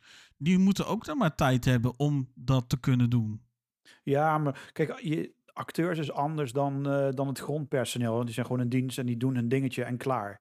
Dat zijn gewoon fabrieken geworden. Ja, ja, maar, ja, ja, maar als je dus te veel doet, dan kunnen die mensen die dan die dingen hun, die hun ding dan goed doen, die, die moeten dan hun aandacht ook verspreiden over die dingen. En dat komt de kwaliteit gewoon niet ten goede. Dus ze kunnen beter de films niet zozeer dan uitrekken, maar meer over een langere periode uitstrijken. Dan dat alles in elkaar gefrot wordt, want de een moet, moet per se naar de ander komen. Dat kan als je er langer over doet ook nog steeds. En dan kun je wel die kwaliteit leveren die je zegt te willen leveren. Ze moeten gewoon Want dat stoppen. doen, dat doen ze nu niet. Ja, nou ja. Ze moeten gewoon stoppen. Oh, het is gewoon. En eh, ander laatste stoorpunt, en dan vind ik wel dat we genoeg eh, adem aan hebben besteed. Al die pleurenskatten. Dat sloeg helemaal dat- nergens op. Echt gewoon. Weet je, in, het, het was In grappig. die, Het idiote eraan, het idiote is, eh, de, eerste, of de eerste vraag was eigenlijk altijd, hoe komt het dat Fury een ooglap heeft? En hoe komt die, nou dat zien we natuurlijk in, in één Marvel film met, met haar, dat die kat dat uiteindelijk bij, me- bij hem heeft gedaan. Dus het is geen oorlogswond, het is die kat die dat heeft gedaan. Oké, prima. Dus nu gaan we dus in elke Marvel... vlerken, vler, vlerken. Ja, ik, het slaat helemaal nergens op. En in deze film krijgen we in één keer allemaal van die, van die rare beesten dan. En dus van, oh hey, we moeten iedereen van het schip afkrijgen. Hoe doen we dat? Nou, we laten gewoon iedereen opeten door die beesten. Dus die worden iedereen... Terwijl ze, niet, terwijl ze niet eens willen, hè? Ja, ze worden dus allemaal opgegeten. En dan worden ze allemaal in zo'n ding, zo'n Zo'n spaceship escape gestouwd Ja. en hup, en gaan ze weg. Maar hoe idioot is het dat eh, hun dus een complete eh, basis hebben met zoveel man die daar werken, maar niet genoeg es- escape spots. Nee, ja, er was wat waardoor in één keer niet meer alle escape pods beschikbaar waren. Ja, omdat Marvel weer gewoon geen verhaal kan bedenken. Het is gewoon weer... En wat, wat, wat is hele Space Station? Is dat van S.H.I.E.L.D.? Bestaat S.H.I.E.L.D. nog? Volgens mij was het van Shield, ja.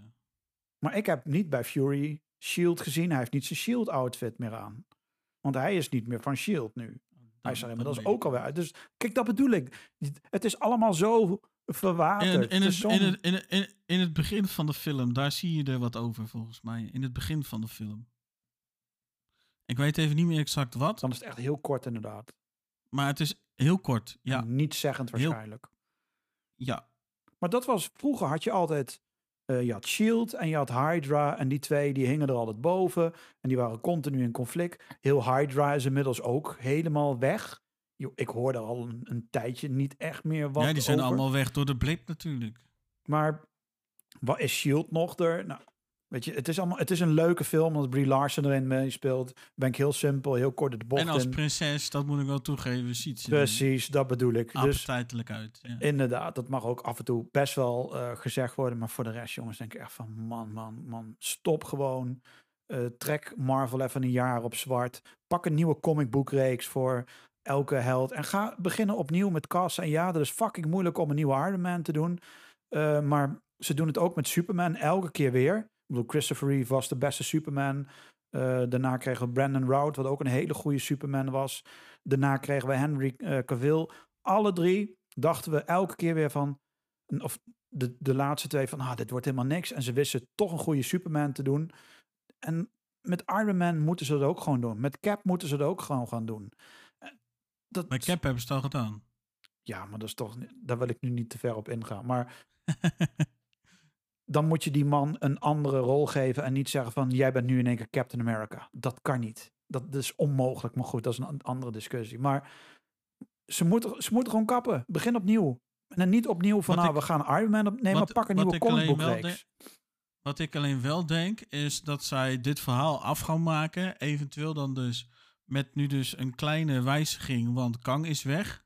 Hij wordt Die misschien gerecast, hè? Er komt waarschijnlijk een andere acteur voor hem in de plaats. Oké, ik dacht dat ze echt een totaal andere karakter eh wilden gaan Dat doen. wilden ik ook ze. in een van de vorige afleveringen ook eh, gezegd. Want het was toen althans eh, het gerucht. Maar even los van dat.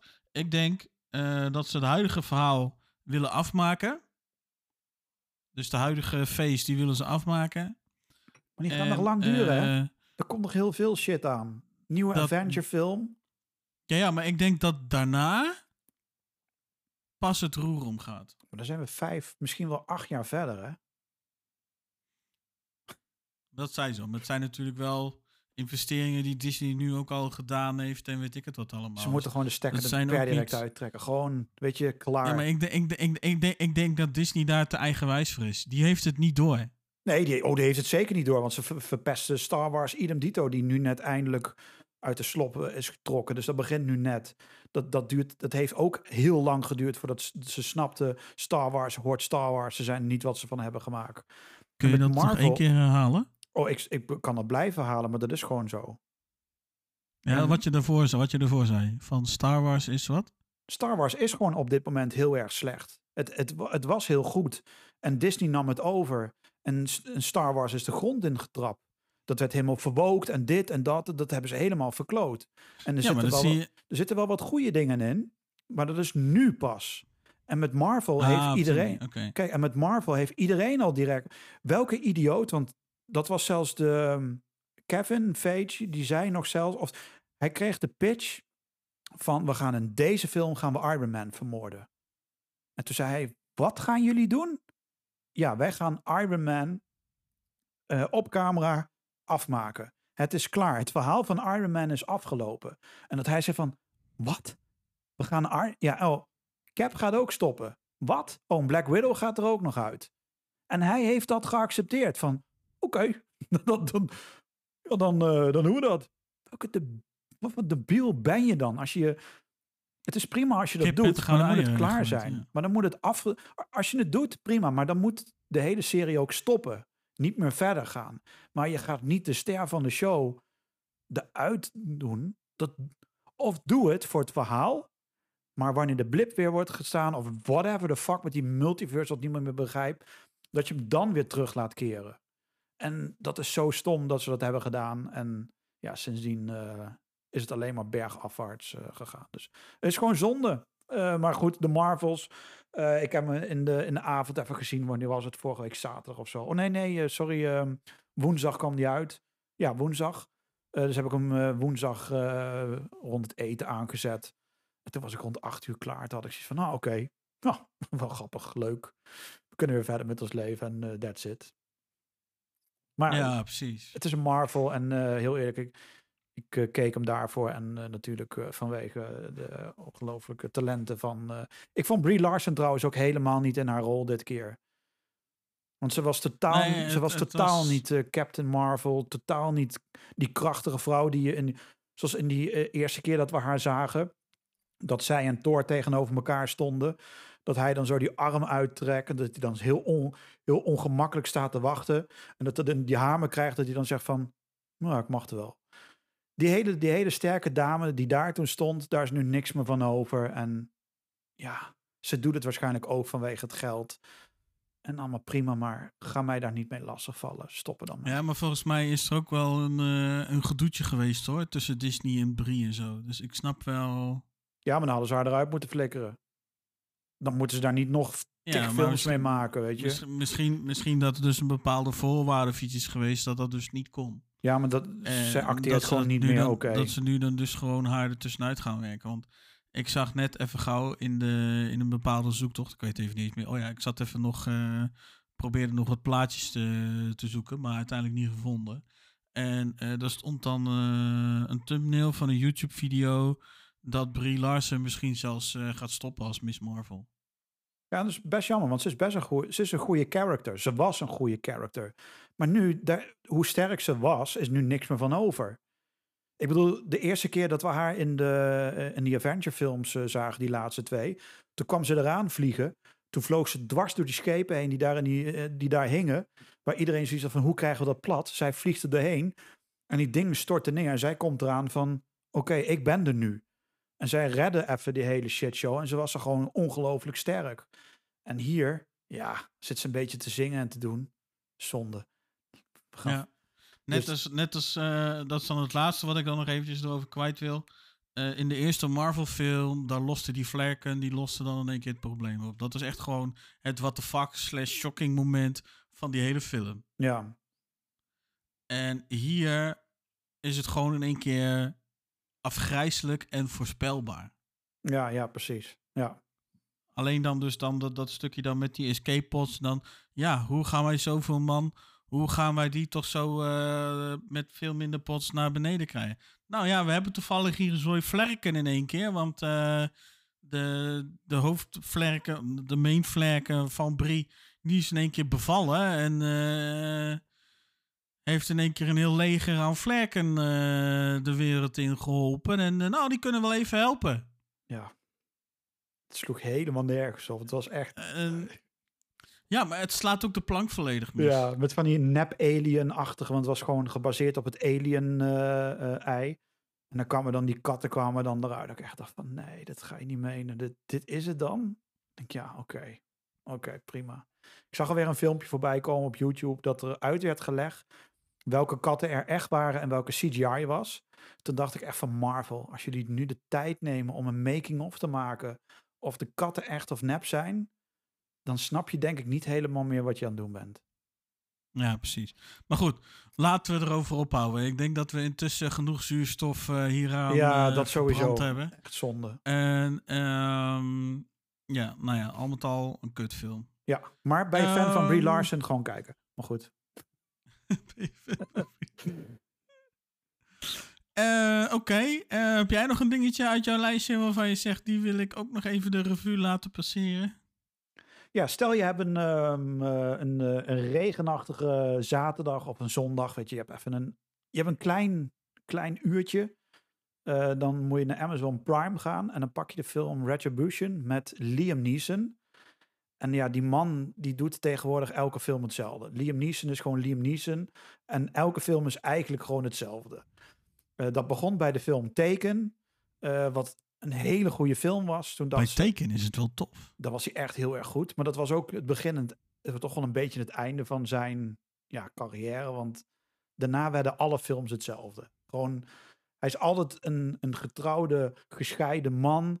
eh, of weer een relatie wat fout gaat terwijl hij getrouwd is. Of dit of dat. Het is altijd hetzelfde verhaaltje. En ook deze is weer heel simpel. Hij gaat natuurlijk ook weer scheiden met zijn vrouw. Of ligt in de scheiding. Eh, zijn kinderen haten hem. Eh, hij doet werk, maar ja, ze weten eigenlijk niet wat voor werk hij doet. En hij blijkt een of andere belangrijke zakenman te zijn. Heel saai.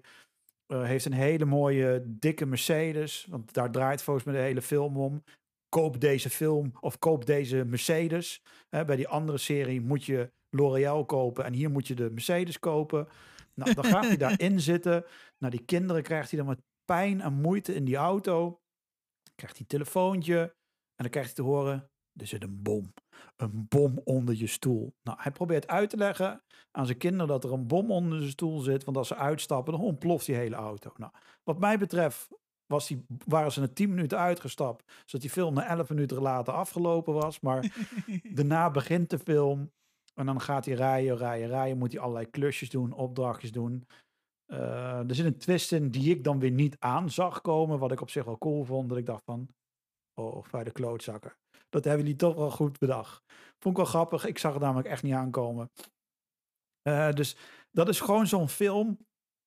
Dat als je even eh, eh, wat, een wat langere maaltijd of een grotere maaltijd hebt. Want die film duurt 90 minuten geloof ik. Ja, dan zet je die op en dan daarna kijk je hem. Dan daarna bij mij ook alweer vergeten. En hij doet er ook niet echt veel moeite meer voor om te acteren. Want hij is gewoon Liam Neeson in die film. Ehm, Heet je ook Liam in de film? Ik, ik weet niet eens meer hoe die heet. Echt, ik heb echt geen idee. Ik vond hem trouwens wel heel grappig in Ted. Want daar zag ik laatst nog een scène voorbij komen. Dat Ted dan op een gegeven moment in die film... eh, wordt hij op een gegeven moment gaat hij toch in een supermarkt gaat hij werken. En dan komt Liam Neeson, die komt er aan die kassa. En die heeft dan van die eh, cornflakes, maar dat staat op voor kinderen. En dan pakt hij die cornflakes hij neer. En dan, en dan doet hij exact diezelfde stem als wat hij in teken doet van... Maar mag ik deze wel nemen? En dan zegt Ted, ja, tuurlijk. Ja, maar dit is voor kinderen. En dan echt bloed, bloed serieus. Echt heel serieus. En dan echt ook op dat toontje van teken dat hij dat doet. En bij die kassa dat Ted dan ook staat van... Oké. En dan uiteindelijk gaat hij dan weg. Maar dat, dat stukje is zoveel epischer dan deze hele film. En het is zo zonde dat Liam Neeson eigenlijk alleen maar van dit soort ja, kutfilms eigenlijk doet. Dat is best wel jammer. Ik zou hem wel gewoon weer een keer in een grotere AAA-film zien waarbij, ja, waarbij hij gewoon echt een keertje acteert. Want hij kan echt wel acteren, maar in deze films, ja, hij stamt er volgens mij 20 uit per week of zo. Hij, kan zijn eigen Liam Neeson eh, streamingdienst eh, samen met Nicolas Cage. Die Li- gasten- Liam Plus. ja, precies. Die, die, die twee kunnen allebei eh, een eigen streamingdienst opzetten. Zo of films maken hun. En dit denk ik ook van ja, jongen. Het is weer hetzelfde. Ga een keer wat anders doen. Want hij zei laatst, had hij in een interview dat hij andere films ging maken of zo. Want het werd het allemaal te zwaar. Ja, dan doe je hetzelfde. Maar dan ga je gewoon de hele tijd in de auto zitten. Snap, dan, snap ik, is allemaal fysiek natuurlijk minder zwaar. Maar kom op. kom een keer met wat origineels. Doe een keer, doe een keer je best of zo. En ja, nee, zonde. Was echt zonde. Dus nee, het leuke film voor tussendoor. Maar Ja, ik, zou- ik, ik, ik, ik heb jou laatst erover. in, Want ik had zoiets, nou, kon misschien nog wel eens interessant zijn. Maar ik had zoiets van, ja, oh, maar het is wel een Liam Neeson film. Dus precies. ik denk, nou, toch maar eerst even vragen hoe die voor jou was. En eh, nou ja, er kwam toen ook al niet veel soeps uit, inderdaad. Dus eh, ik denk dat ik dan deze film eh, ook Ja, links het ga laten Het liggen. is heel zonde. De- het had best wel, zoals ik zei, de twist was leuk die erin zat. Maar voor de rest, nou ja, voor de rest was het een beetje kansloos. En ja, ja, kan ik dan wel eh, begrijpen. Wat ik dan trouwens ook wel eh, content zou vinden om links te laten liggen, pak ik wel even twee onderwerpen van mijn lijstje in één keer. Want ik, ja, ik vind wel dat ze allebei eh, links gelaten kunnen worden. Ehm, de eerste is Ferrari. Een film van vorig jaar. Op Apple TV Amerika is die beschikbaar. Nog niet Apple TV hier. Maar ik hoop stiekem dat hij ook hier niet eh, beschikbaar komt. Want dan blijft eh, voor een heleboel fans, denk ik, eh, een boel ellende bespaard. Ik vind Ferrari namelijk een uiterst verwarrende film. In het begin gaat het namelijk vooral over Ferrari als bedrijf. En na de Tweede Wereldoorlog, vlak na de Tweede Wereldoorlog. En dat dat financieel gezien, dat het er dan slecht voor staat. Dat het bedrijf bijna failliet is. En nou ja, als ze dan eh, een of andere race winnen, dan zouden zogenaamd dan de orders in één keer weer binnenstromen. Dus de productie moest dan, moet dan ook maar eh, meer dan verdubbeld worden. En eh, Enzo Ferrari heeft geen idee hoe hij dat moet doen. Ondertussen heeft Enzo Ferrari ook een buitenechtelijk kind en doet hij alles om dat gezin ook draaiende te houden. Hij gaat er zelf ook langs en weet ik het wat allemaal. En ja, uiteindelijk wekt de film de indruk dat het over Ferrari als bedrijf gaat. Eh, maar hoe langer de film duurt, hoe meer het over Enzo Ferrari zelf gaat. En eh, een bepaalde fase uit zijn leven eh, belicht wordt. Op zich ook wel interessant, maar begin dan de film niet met dat het bedrijf gered moet worden en dat er zoveel eh, voor nodig is om het bedrijf er bovenop te houden. Dus de focus die lag eerst echt op het bedrijf. En later was het, ha nee, toch niet. We gaan het lekker over Enzo Ferrari en we gaan meer hem belichten eh daarin. En dat vond ik gewoon jammer. Ehm, ja, ondanks dat ik dan wel wat meer heb met auto's en met eh auto's, auto, motorsport eh, dan jou, denk ik. Ja, vond ik dat toch best wel ontzettende misser. Terwijl ik er op zich in eerste instantie wel eh er naar uitkeek.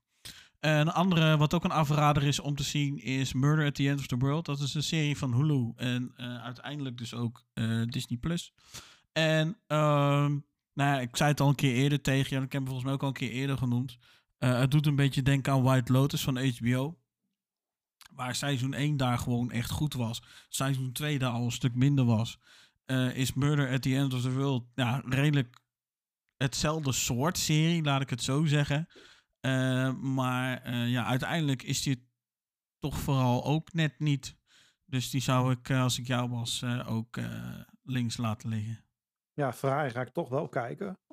Hij staat al wel op Apple TV, maar dan nog als koop en huur. Dus hij zal ongetwijfeld ehm, ja, binnenkort vast wel een keertje naar een streamer vliegen. Maar ik ga hem toch kijken, want ik. En de, de reden is voor mij eigenlijk altijd heel erg simpel. Ehm, ik vind het tof om naar films te kijken waar we zien hoe iemand letterlijk een bedrijf begint te starten of wat dan ook. Dat vind ik altijd gewoon vanuit dat oogpunt vind ik het gewoon super interessant. Eh, Ik ben zelf ondernemer, dus ik vind altijd gewoon tof om daar naar te kijken. Eh, niet, niet dat ik daar, je, je leert er soms wel, wel wat van, maar het is vooral van hoe die gasten denken, hoe ze het doen. Ik blijf The Founder een heel goed voorbeeld vinden. Dat vind ik een van de tofste films die ik ooit heb gezien, hoe McDonald's is begonnen. Ik heb hem toevallig Oh ja. eh, een paar maanden geleden nog een keer gezien. Eh, ik kijk die best wel vaak. Gewoon puur om, om te zien van ja, hoe doen die gasten dat? Hoe hebben hun een bedrijf gestart? Wat is hun drijfveer? Eh, wat zit erachter? Met House of Gucci was het natuurlijk hetzelfde. Ik heb niks met mode, totaal niet. Maar ik vind het wel interessant hoe zo'n hoe zo'n eigenaar zich gedraagt. Weet je? Want wij zien wel, wij horen veel over Ferrari, maar hoe, hoe had hij kunnen zijn of hoe is hij? En dat vind ik dan altijd wel interessant om de films Ja, maar- op die manier te kijken.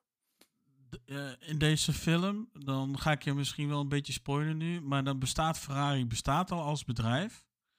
Ze leveren 100 plus auto's per jaar aan eh, de klanten en eh, nou, noem het allemaal maar op. Dus dat bedrijf dat, dat draait al. En voor lieverlee zie je dat het, of tenminste zo zag ik de film, liep het steeds meer, liep, qua verhaal althans, eh, rond Enzo Ferrari zelf. Dus niet het bedrijf, Nou, vind ik ook niet erg. maar de, de, de oprichter ervan. Dat vind ik ook al tof. Want kijk, weet je, het is vaak van die gasten die, die, die enorme bedrijven hebben. Dat zijn vaak hele rare gasten. Er is er geen één normaal. Kijk naar Elon Musk, die is zo gek als een deurbel. Maar die heeft wel behoorlijk wat machtige bedrijven onder zich. En die doet wel heel veel dingen. En gehad, hè? Ja, precies. Dus daarom vind ik dat altijd best wel interessant. Ik kijk meestal naar, naar zo'n film met een heel ander oogpunt dan van... oh, ik kijk naar een film. Ik vind het tof om te zien hoe zo'n directeur...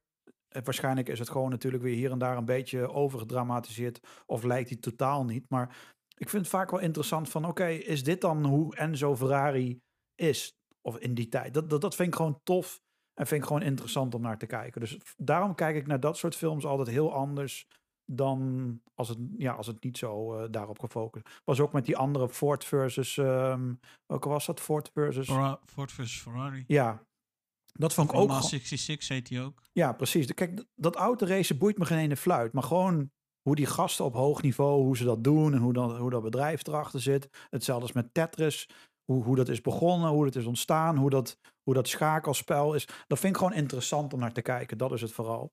Eh, en dat heb ik met deze film ook. Dat zal ik, ik heb hem vaststaan. Ik ben benieuwd, want Adam Driver he- heeft dan ook heeft dan eerst die Gucci-man eh, gedaan. En doet dan nu Ferrari. Dus ik ben benieuwd hoe hij, ehm, ja, hoe hij zeg maar, hier in deze rol eh, stapt. Het lijkt me wel interessant. Die andere, Murder at the End of the World, is dat een Netflix-ding? Of volgens mij wel, hè? Hulu. Disney. Oh, oh ja, Disney, ja. Oh ja, ja, klopt. Volgens mij had ik die ook, ja, net als vele andere, moet ik even gauw spieken, had ik die volgens mij ook al vaststaan. Of had ik die voorbij zien? Oh ja, ik had die voorbij zien komen, maar ik zal meteen mijn mond houden waarom ik meteen dat weg heb geklikt. Maar laat ik dat niet, eh niet hardop uitspreken. Ehm, Oké.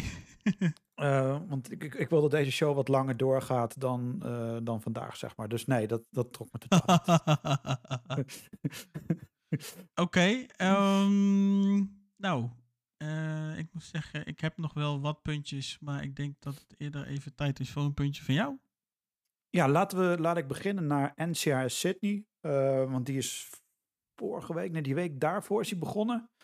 Eh, natuurlijk de, de, even kijken, volgens mij de vierde of de vijfde spin-off. We we NCIS, dan hebben we LA, dan hebben we ehm, New Orleans, we hebben Hawaii, we hebben er tussendoor. Dit is de zesde inmiddels alweer. En eh, ik dacht van oké, prima, dus nu gaan we naar, eh, naar Sydney toe.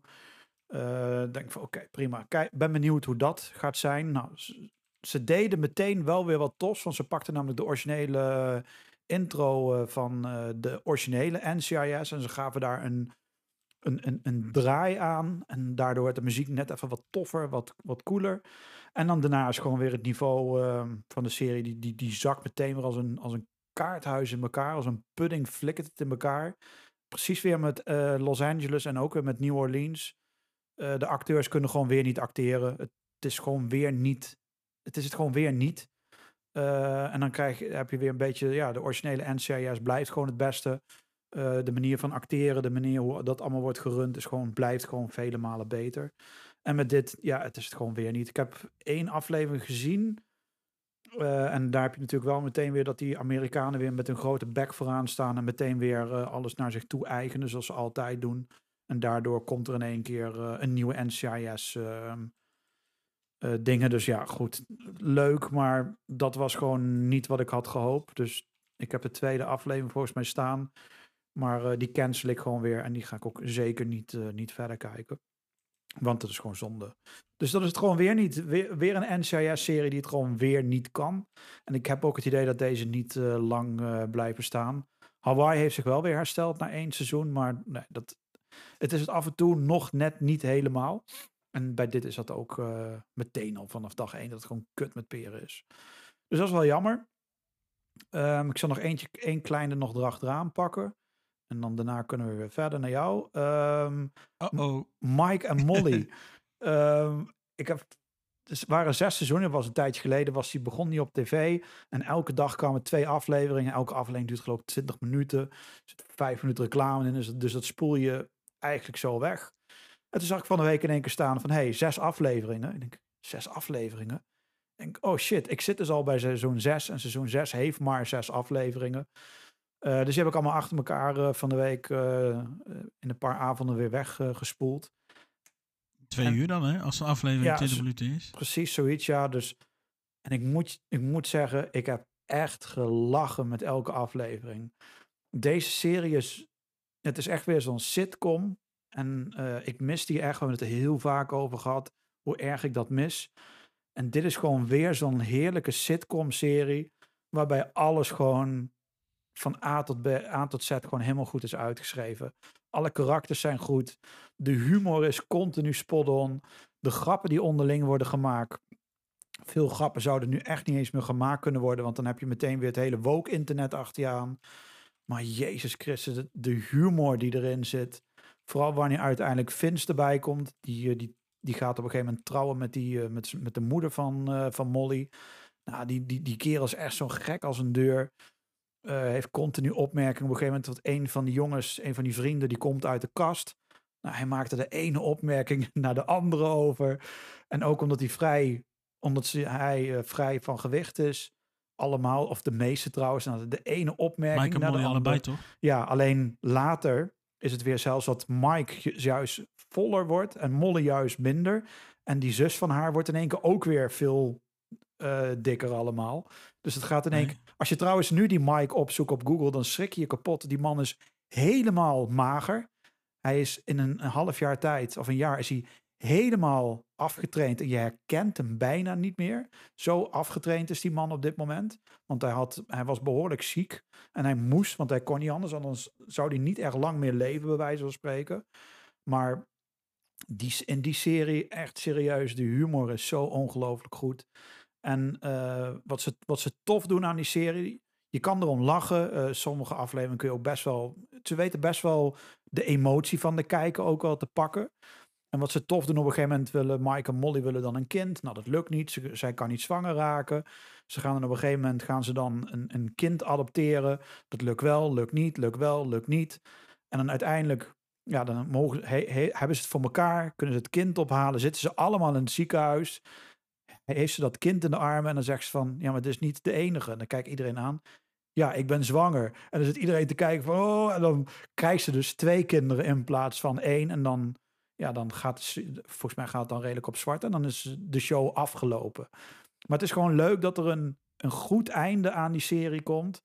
Eh, en de manier waarop, hoe dat allemaal gaat. En die moeder van die Mike, die is zo gek als een deur. En ehm, van House of Cards heb je in seizoen 2 die ene elektriciteits-CEO. ben even de naam van hem kwijt. Die, die, die Raymond Tusk. Ja, ja, Nou, ja, ja, ja. Hij speelt dus ook in deze serie. En hij speelt op een gegeven moment speelt hij één seizoen speelt hij de baas van Mike. En Mike heeft echt een, een moeder naar dat mens is echt gewoon die zit in de stenen tijdperk vast. En die heeft overal wat op te klagen. Echt alleen maar. En op een gegeven moment komt die, eh, komt die Raymond Tusk, die komt dan naar, naar hem toe, naar die Mike van, ehm, ik wil een vraag aan je stellen. Maar hij is best wel bang, want dat is zijn baas. Dat is de baas van de politie. Dan zegt hij van, nou, ehm, ik kan het heel erg goed vinden met je moeder. En dan doet hij allerlei dingen wat ze in bed doen.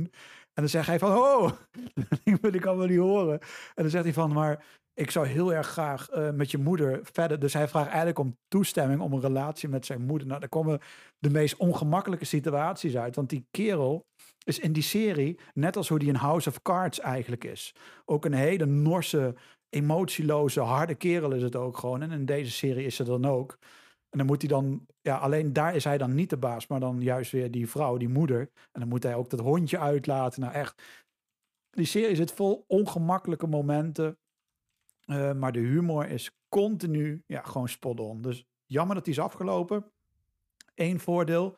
Deze serie is nu weer, eh, die is dan nu afgelopen. Maar ze zijn nu begonnen op eh, Comedy Central met King of Queens. En ik heb die eigenlijk Ja. nooit van begin tot einde, gewoon af en toe een keer een afleveringetje gezien. Maar nooit van begin tot het einde. Eh, dus die serie die komt nu elke dag. Dus die heb ik nu eh, voor een hele week eh, ja, eigenlijk opgenomen. Het begint geloof ik om 12 uur of om 11 uur. Dus ga ik daar gewoon mee beginnen om dat elke dag te kijken. Want ja, wat ik zei, ik heb die nooit helemaal gezien. En dat was ook zo'n, ik weet niet of je die ook hebt gezien, King of Queens of stukjes ervan. Stukjes. stukjes. Het was, echt, het was ook zo'n leuke, leuke serie. Met ja, de, mijn, broer met de, die, mijn broer die heeft die serie meer. Met, eh, de vader van Ben. Stiller natuurlijk, die erin meespeelt. Ja. Dus ja, die, die, En die ook de vader speelt in de serie. ja, dus, ja, maar hij, Ben Stiller speelt er geloof ik niet in, toch? Nee, nee, nee, nee. nee. Maar hij, spe- oh ja, hij speelt inderdaad, ja, zo bedoel je. Dus hij speelt dan de vader van haar. En ja, hij is ook, die, die serie hebben, ook dat is gewoon zo'n hele leuke feel-good serie. Er gebeurt van alles in. En ja, dat dat zijn gewoon van die lekkere wegkijkseries. Dus ehm, ja, dat heeft een beetje wat dat betreft eh, de dingen gekeken. Of heb ik, dat heb ik gekeken, wat dat betreft. En dan de, de laatste twee bewaar ik wel eh, voor eh, naar jou. Oké. Ehm, ja, ik weet niet of ik Want ze had jij nog wat? Had jij nog Ja, ja, wat? ja. Ik Oh, heb ja. nog twee, ik heb nog Oh, twee dingen nog erin twee, staan. Ik- Ik weet alleen niet of ik ze in één keer... Want ik denk niet dat ik ook heel veel eh, woorden aan vuil kan maken. Eh, ik doe het gewoon. Oei, dat klinkt heel negatief. Ehm, de ene is een Netflix-serie en de andere Apple TV+. Plus. Dus wat- dat betreft ehm, merk ik toch wel dat Apple TV toch best wel flink ook eh, de, hun bibliotheek aan het vullen is, zal ik maar even zeggen. Ja, want wij kijken best wel Ehm, veel nu, merk ik. Het is veel ja, meer ja, Apple TV precies, dat geworden. heb- Ja, dat heb ik dus ook. Ehm, zo ben ik dus nu dus ook begonnen met kijken van Criminal Record. Eh, dat is dus een serie op eh, Apple TV+. Plus. En ehm, dat is eigenlijk ja, letterlijk eh, good cop versus bad cop. En de good cop die hoort dan, tenminste die krijgt dan een, een opname te horen van een eh 911 stress call, om het zo maar eventjes te zeggen. En ehm daar wordt dan ook verteld dat iemand in de gevangenis zit voor al, die al 24 jaar of 21 jaar, in ieder geval hup, hup, hup, 20 jaar eh, vastzit voor een moord die hij eh, niet begaan heeft. Ah. En eh, die, age- eh, die agent die dan dat bandje hoort, die, ja, die hoort daar blijkbaar toch iets in. Om het zo maar eventjes te zeggen. En die wil dus eigenlijk uit gaan zoeken hoe en wat. En die merkt daarbij, ehm, die merkt daarbij dat, ja, dat degene die dat destijds, die, die moord destijds heeft onderzocht, dat die eh, bepaalde dingen mogelijkerwijs eh, niet goed heeft gedaan of heeft dat hij uit is gegaan van verkeerde informatie. En het wekt in ieder geval de schijn dat dan dus, want die agent die is ook nog gewoon haar collega. En wat dat betreft heeft zij gewoon ontzettend het gevoel dat dat dus gewoon een corrupt agent is. En eh, ze, ze wil dus proberen om eh, alles boven tafel te krijgen. En je voelt het al. eh, hij heeft altijd wel weer een bepaald excuus of ding. Waardoor dan toch of weer anders blijkt. Of dat je dan toch weer er anders over denkt. Dus je weet niet of het inderdaad daadwerkelijk zo is. Of zij er inderdaad naast zit. Eh, maar die collega die probeert dus, die agent die dus dit allemaal nu dus weer opnieuw als het ware onderzoekt. eh, Dat is die eh, oude man die je op die poster ziet, hè? Die eh, met ja. het grijze Ziet er ook ja, best wel eng uit, die gast. Dat, dat, is, dat is dus inderdaad die kerel die dan dus een beetje de schijn, in ieder geval de schijn heeft van corrupt agent te zijn. Hij heeft ook wel zo'n kop ervoor. Hij heeft echt ja. een kop voor van... Ja, als je mij wat doekoes betaalt, dan kun je gaan. Of erger.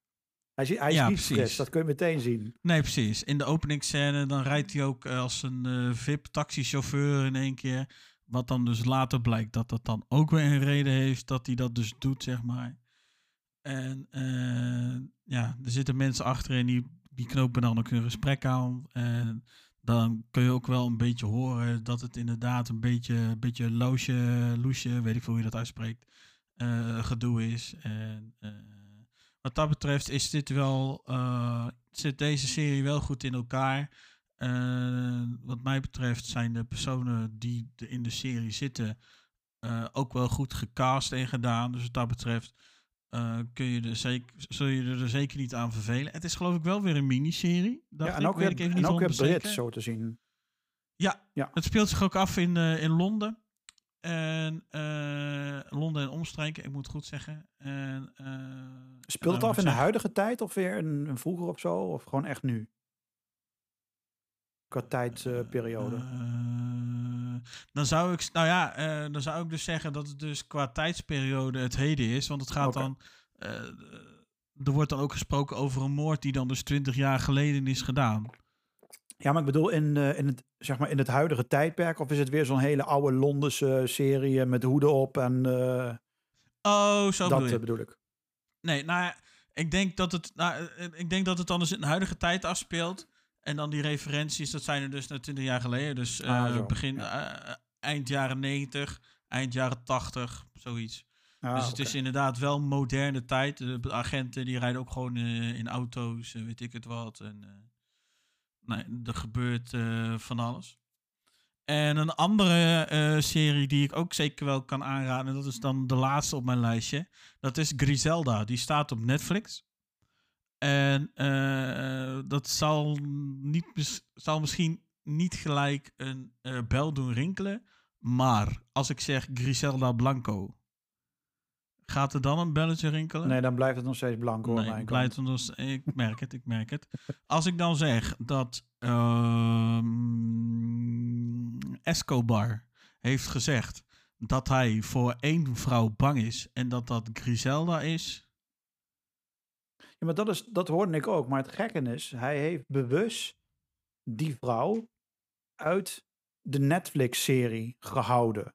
En dat vind ik gek. Want als dit inderdaad, als, als hij daar bang voor was, waarom hebben ze dat dan niet in die Netflix-serie destijds gedaan? Want dat is zonde, want dat niet, ik juist. Want die serie, want eh, dit, wordt, dit is gewoon weer een narcos-serie, maar dan met een vrouw. Hartstikke leuk bedacht. Maar Ja, dan moet ik zeggen, Narcos heb ik niet heel veel gezien, dus dat weet ik even niet. Maar dit is inderdaad een miniserie, ik geloof acht afleveringen of zo. Ook niet zo heel bijster veel. Eh, en dat gaat dan dus over Griselda Blanco en hoe dat zij dan dus in eh, Miami eh, haar imperium eh, opbouwt en doet. En eh, ik vond het althans verma eh, goed vermakelijk eh, om te zien. Ik weet niet hoeveel dat ervan klopt. Ik weet niet eh, hoe overgedramatiseerd bepaalde zaken zijn. Dat weet ik niet. Dat boeit me verder ook niet zo heel veel. Ehm, ik heb gewoon een serie gezien die ik in ieder geval eh, lekker vond wegkijken. En waar ik me zeker mee, eh, mee heb vermaakt. En eh, eh, als ik echt een, eh, een dingetje. Wat voor mij, het speelt zich dan ook dus af in de jaren 80. En dat kun je goed zien. Eind jaren 70, jaren 80, laat ik het goed zeggen. En dat kun je ook goed zien. Ook de kleren die ze dragen en alles. En dat ziet er allemaal goed uit. Je, je hebt echt wel het gevoel dat je echt, echt wel in die tijd zeg maar bent. Dat je het zit te kijken en te doen.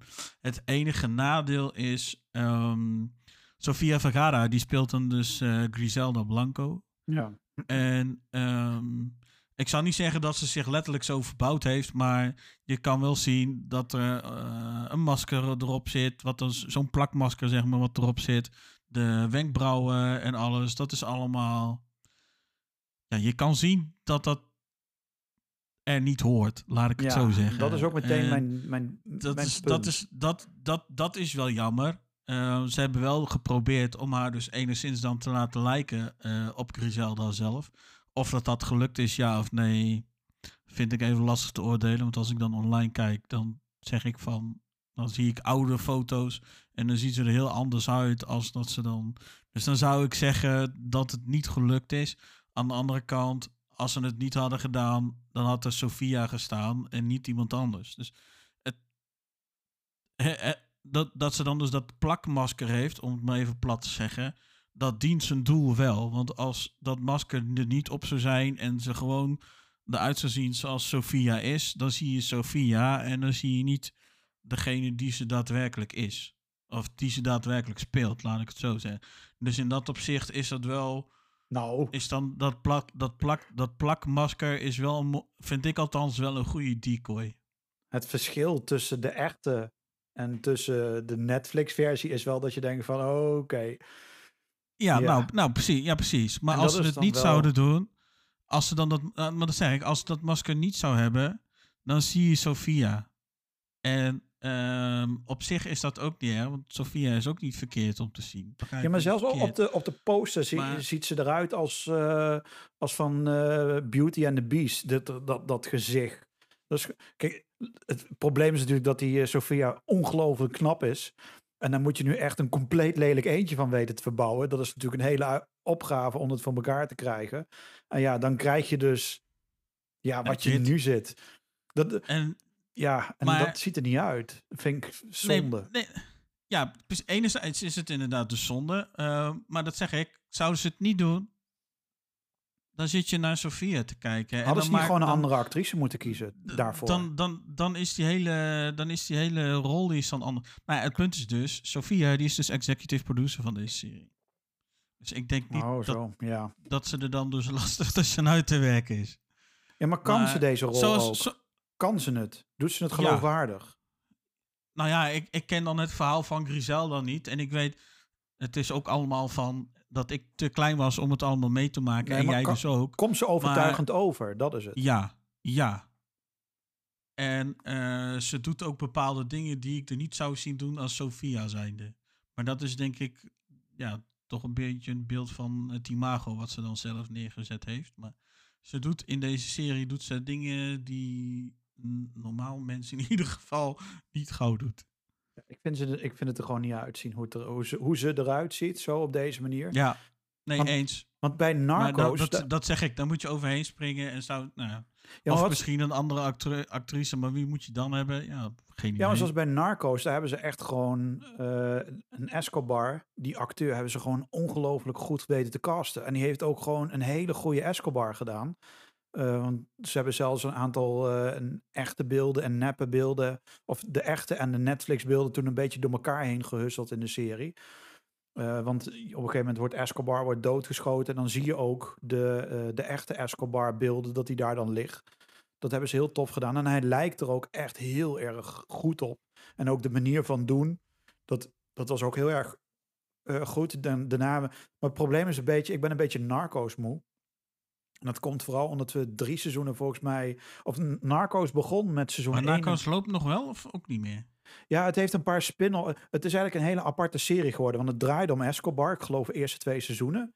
En toen daarna werd, het, werd de serie eigenlijk weer overgenomen door een andere eh maffia-baas die dan ging regeren. Dat liep eigenlijk gewoon als een verhaal, liep dat gewoon domme verder.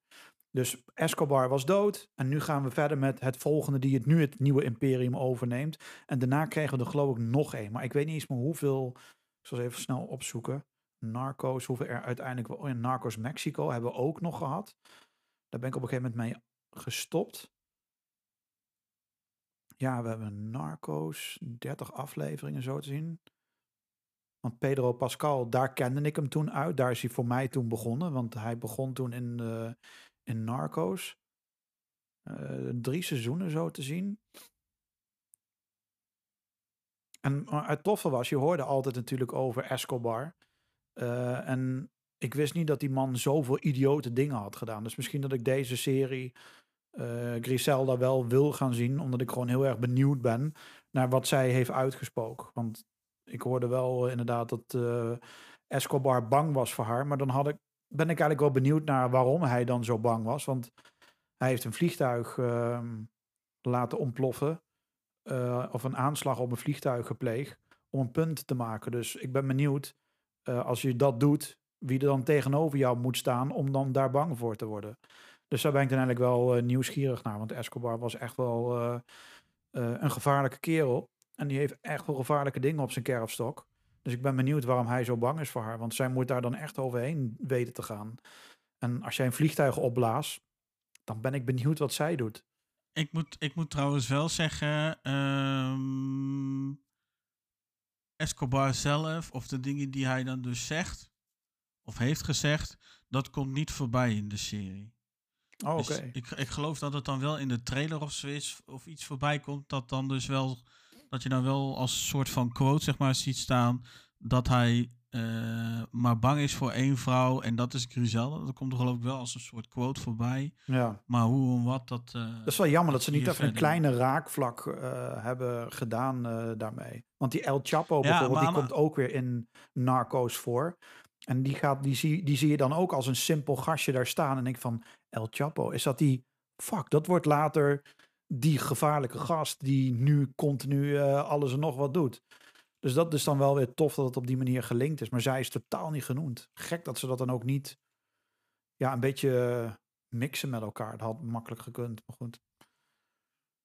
Het moet misschien natuurlijk allemaal om haar draaien dat ze het op die manier. eh, want de serie Ja, heet ze ook- hebben, ze, ze- hebben nu de serie echt meer om haar inderdaad Ja. gedaan. En nee, ik ga het niet zeggen. Dan ga ik Want Escobar heet, of eh, ja, hij speelde wel in die serie, maar die serie heette niet Escobar. Het was echt Narcos en na, later Narcos Mexico. En dit heet echt eh Griselda. Griselda. Dus ja, da- daar maken ze meteen wel een punt. Maar ik denk wel dat ik het ga kijken hoor. En ik ben eigenlijk op zich wel eh, nieuwsgierig naar wat er allemaal in die tijd is gebeurd. En ehm, ja, wat zij heeft uitgesproken. Daar ben ik eigenlijk wel nieuwsgierig naar. Ja, nou ja, dat is op zich dus eh, wel interessant. En dat is ook hetgene wat mij eigenlijk, eh, zeg maar, eh, triggerde om, om te kijken. En Ik ben, in ieder, ik ben in ieder geval niet teleurgesteld, laat ik het zo zeggen. Ik ben benieuwd, want ja, we, kennen Sophia natuurlijk, of kennen is natuurlijk een groot woord, maar we kennen haar natuurlijk uit Modern Family, waar ze echt ongelooflijk grappig is en ongelooflijk goede karakter neerzet.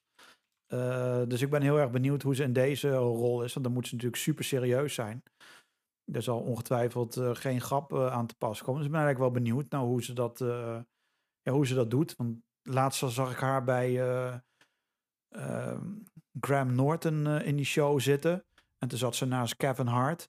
En daar was ze echt gewoon continu grappig bezig. De ene opmerking richting Kevin Hart naar de andere. Echt de ene steek onder water. Hij zat super serieus te vertellen over die film. Ja, ik word nu een serieuze actiefilm. En dat zij dan heel simpel zo. Nou, dat duurde.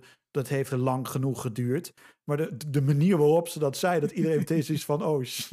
En hij was helemaal weer uit zijn doen. En hij ging weer verder met vertellen. En zij ging eigenlijk continu hem ondermijnen door een, de ene en de andere kutopmerking te maken richting hem. Dus ja, dat was op zich best wel grappig hoe ze dat. Dus ik ben wel benieuwd hoe zij als serieuze actrice dan is. Want ja, we kennen haar als grappenmaker. Ja, precies. Oké, ja. Maar ja, nou, Onder andere als grappenmaker natuurlijk.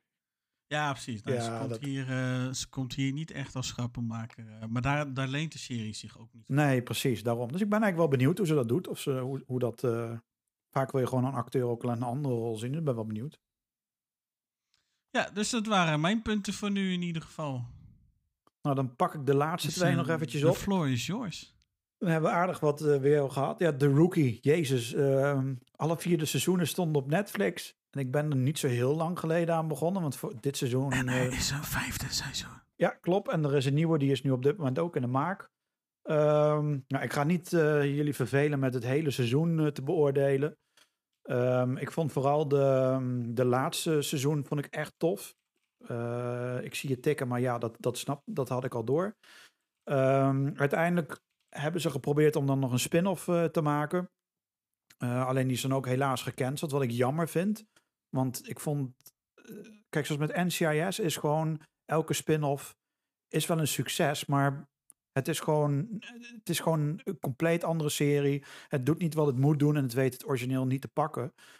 En met The Rookie, eh, wanneer ze dan dat nieuwe team van de FBI gaan doen, die acteurs zijn wel echt goed. Die doen wel echt lekker eh, hun eigen ding in die, eh, in die afleveringen. En wat ik tof vind aan deze serie is, ik wel seizoen 3 en vooral 4, merk je wel dat het een beetje een dipje begint te krijgen van oké, we worden nu een standaard eh kopshow en het moet allemaal maar grappig zijn. En dan laten ze dat weer vrij snel los en dan begint het weer wat serieuzer te worden. In deze serie is het, komt het beste tot het, tot het recht wanneer ze wat serieuzer gaan en eh de af en toe wat grappige dingen. Ja, dan moeten ze, dat, is, dat valt eigenlijk een beetje, ja, is een beetje jammer. Maar toch een aantal dingen die ik eruit wil halen. Op een gegeven moment komen ze bij een aflevering en dan is er een, ehm, eh, want je hebt dan Tim, die is dan een van de agenten. En die wil dan uiteindelijk ook een, eh, een captain worden. Nou, uiteindelijk is het dan, eh, wordt hij dan daarvoor langzaam opgetraind. En moet hij eh, uiteindelijk moet hij dan Jerry, die dan al behoorlijk lang in dienst is, moet hij eigenlijk de mededeling gaan geven van joh, ehm, is het niet tijd voor jou om met pensioen te gaan? Want ja, je bent inmiddels al een behoorlijke leeftijd. eh, je lichaam die kan het allemaal niet meer aan. Dus het wordt wel tijd om nu een beetje te gaan stoppen. Want ja, voor je het weet, eh, lig je onder de zoden. Of het gebeurt tijdens het, de- het werk. Dus dat is niet handig. Dus dan gaat Tim eigenlijk met die Jerry gaat hij dan eh, een hele episode meedraaien. En dan rijden ze eigenlijk in een auto en dan zit dan Jerry die zit dan naast Tim en die zit dan van oh ja hier kreeg ik mijn eerste steekwond en eh, hier was mijn eerste overval en dit was er toen vroeger niet en uiteindelijk hebben ze een zaak van vroeger eh, hebben ze op weten te lossen. Nou dat was echt heel tof en toen uiteindelijk ging Tim eh, die ging naar die Jerry toe en toen zei hij van ehm, ja ik moet je wat vertellen en zegt Jerry van nou ik weet wat je gaat zeggen mijn tijd is gekomen. En ja, dat moment is best wel tof gedaan. En dan zegt hij ook van ja, ik snap wat je wilt zeggen, maar je hoeft niet te zeggen. Mijn tijd is gekomen. Dit is mijn laatste zaak. Eh, er gaat geen andere zaak meer komen. Eh, ik ben gewoon klaar met, ehm, ja, met mijn werk. Eh, ik heb nu inmiddels genoeg gedaan. En ja, het houdt op. Het is klaar. Dus dan heeft Tim weer het een en het ander geregeld voor hem. Dan komt die Jerry, die komt dan daar. En dan ja, nemen ze afscheid van elkaar. En dan heeft die man daar 43 jaar lang heeft hij dan daar gewerkt. Ehm, dus ja, dat is echt wel tof gedaan. Hartstikke leuk gedaan, die aflevering. Eh zo hebben we ook een aflevering die draait helemaal om. eh, we hebben toen de film eh, met Denzel Washington gehad. eh, die heet John Q. En Denzel Washington die brengt daar, ik dacht, zijn zoontje het ziekenhuis in. Want die heeft een nieuw hart nodig. Hij krijgt geen nieuw hart. Want er is geen donor en bla bla bla. En ja, ze zijn zwart, dus ze krijgen sowieso niks. En nou, heel veel gedoe. En dan neemt hij het hele ziekenhuis neemt hij over. En dan eist hij dat uiteindelijk het hart van hem eruit gaat. En dan bij zijn zoon, nou, hoop gedoe. En dan eigenlijk hebben ze een beetje zo'n soort aflevering... hebben ze dan in The Rookie ook weten te bouwen. Eh, en dan heb je een, een, een man die dan uiteindelijk daar komt. Zijn vrouw die, eh, die ligt op sterven en die heeft ook een nieuw hart nodig. Nou, krijgt ze niet. Uiteindelijk hackt hij dat ziekenhuis. En dan heeft hij dat hele ziekenhuis overgenomen. Eh, en vervolgens ehm, ja, eist hij dan een, een hart. En dan krijgt hij dat wel voor elkaar, maar ook weer niet. Dus ja, ook weer heel tof gedaan. Dat zijn weer wat serieuze afleveringen. En dan de ehm, laatste paar afleveringen, ja, die draaien dan helemaal om. Weet je, het tof aan deze serie is, waarom het tof is om naar te kijken, is de chemie tussen al die acteurs. Dat is zo ongelooflijk goed gedaan. En dat is ook een beetje wat ik bedoelde eh, als eh, commentaar richting Masters of the Air. Bij Masters of the Air staan ze naast elkaar, ze doen hun ding en klaar. Deze serie, de chemie tussen die twee, dat is of tussen, tussen iedereen, is zo ongelooflijk goed. Eh, op een gegeven moment gaan wat agenten wisselen. Die gaan dan daarheen, die gaat daarheen. En die komen bij elkaar, die wordt gepromoveerd. En ja, dan, je hebt al, want je hebt een, een, een training officer en je hebt dan een rookie eronder zitten. En daar wordt dan eigenlijk het vak aangeleerd in de praktijk. En je hebt dan eh, Tim, dat is dan een doorgewinterde agent. En dan heb je Lucy ernaast. En zij is eigenlijk de leukste, leukste eh, karakter van die hele serie. Eh, de manier hoe zij acteert, hoe ze doet. Dus het is alsof ik naar echte agenten zitten kijken. Die gewoon hun werk doen. En hun hebben lol in hun werk. Hun doen hun werk serieus. En je merkt eigenlijk al van begin af aan van ja, die twee die krijgen wat met elkaar. En in de laatste aflevering komen ze dan twee dubbelgangers van zichzelf tegen. En die twee dubbelgangers die hebben dan wat met elkaar. Nou, die worden opgepakt en hun gaan dan undercover als die twee. En dan moeten hun natuurlijk elkaar kussen om eraan te wennen. En super ongemakkelijk allemaal hoe dat gaat tussen die twee. Maar eh ongelooflijk leuke serie. En ik had niet verwacht dat ik de Rookie dit jaar had gezien. En dat ik die zo hoog heb staan. Want als we aan het eind van het jaar een eh, soort van eh, top eh 6000 gaan maken. dan zal deze echt wel in de series hoog gaan komen. En ik denk dat ik hem zelfs boven Masters of the Air ga zetten. Dan. Omdat hij gewoon echt alles klopt. En die Nathan Fillion, ik, ik vond het echt een lul. Ik weet niet waarom. Ik heb echt geen idee. Misschien door de rol in Castle. Dat vond ik hem echt een, een raar, raar manneke.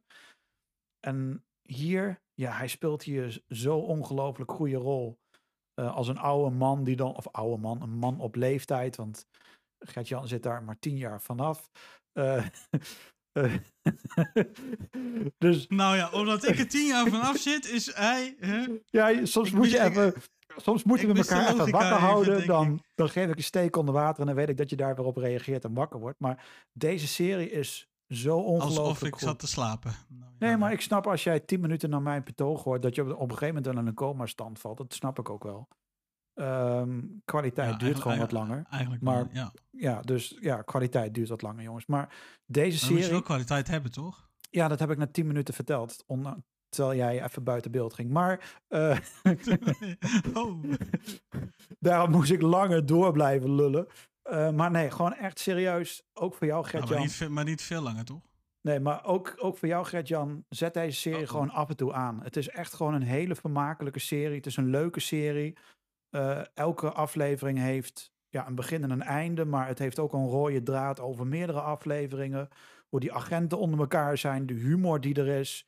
eh, en af en toe ook gewoon de serieusheid van een aflevering. Wanneer hij voor het eerst iemand neerschiet. Hoe dat allemaal gaat. En weet je, er gebeurt zoveel in die serie. Wat in één keer die serie een stuk realistischer maakt dan eigenlijk alle andere kopshows die je kijkt.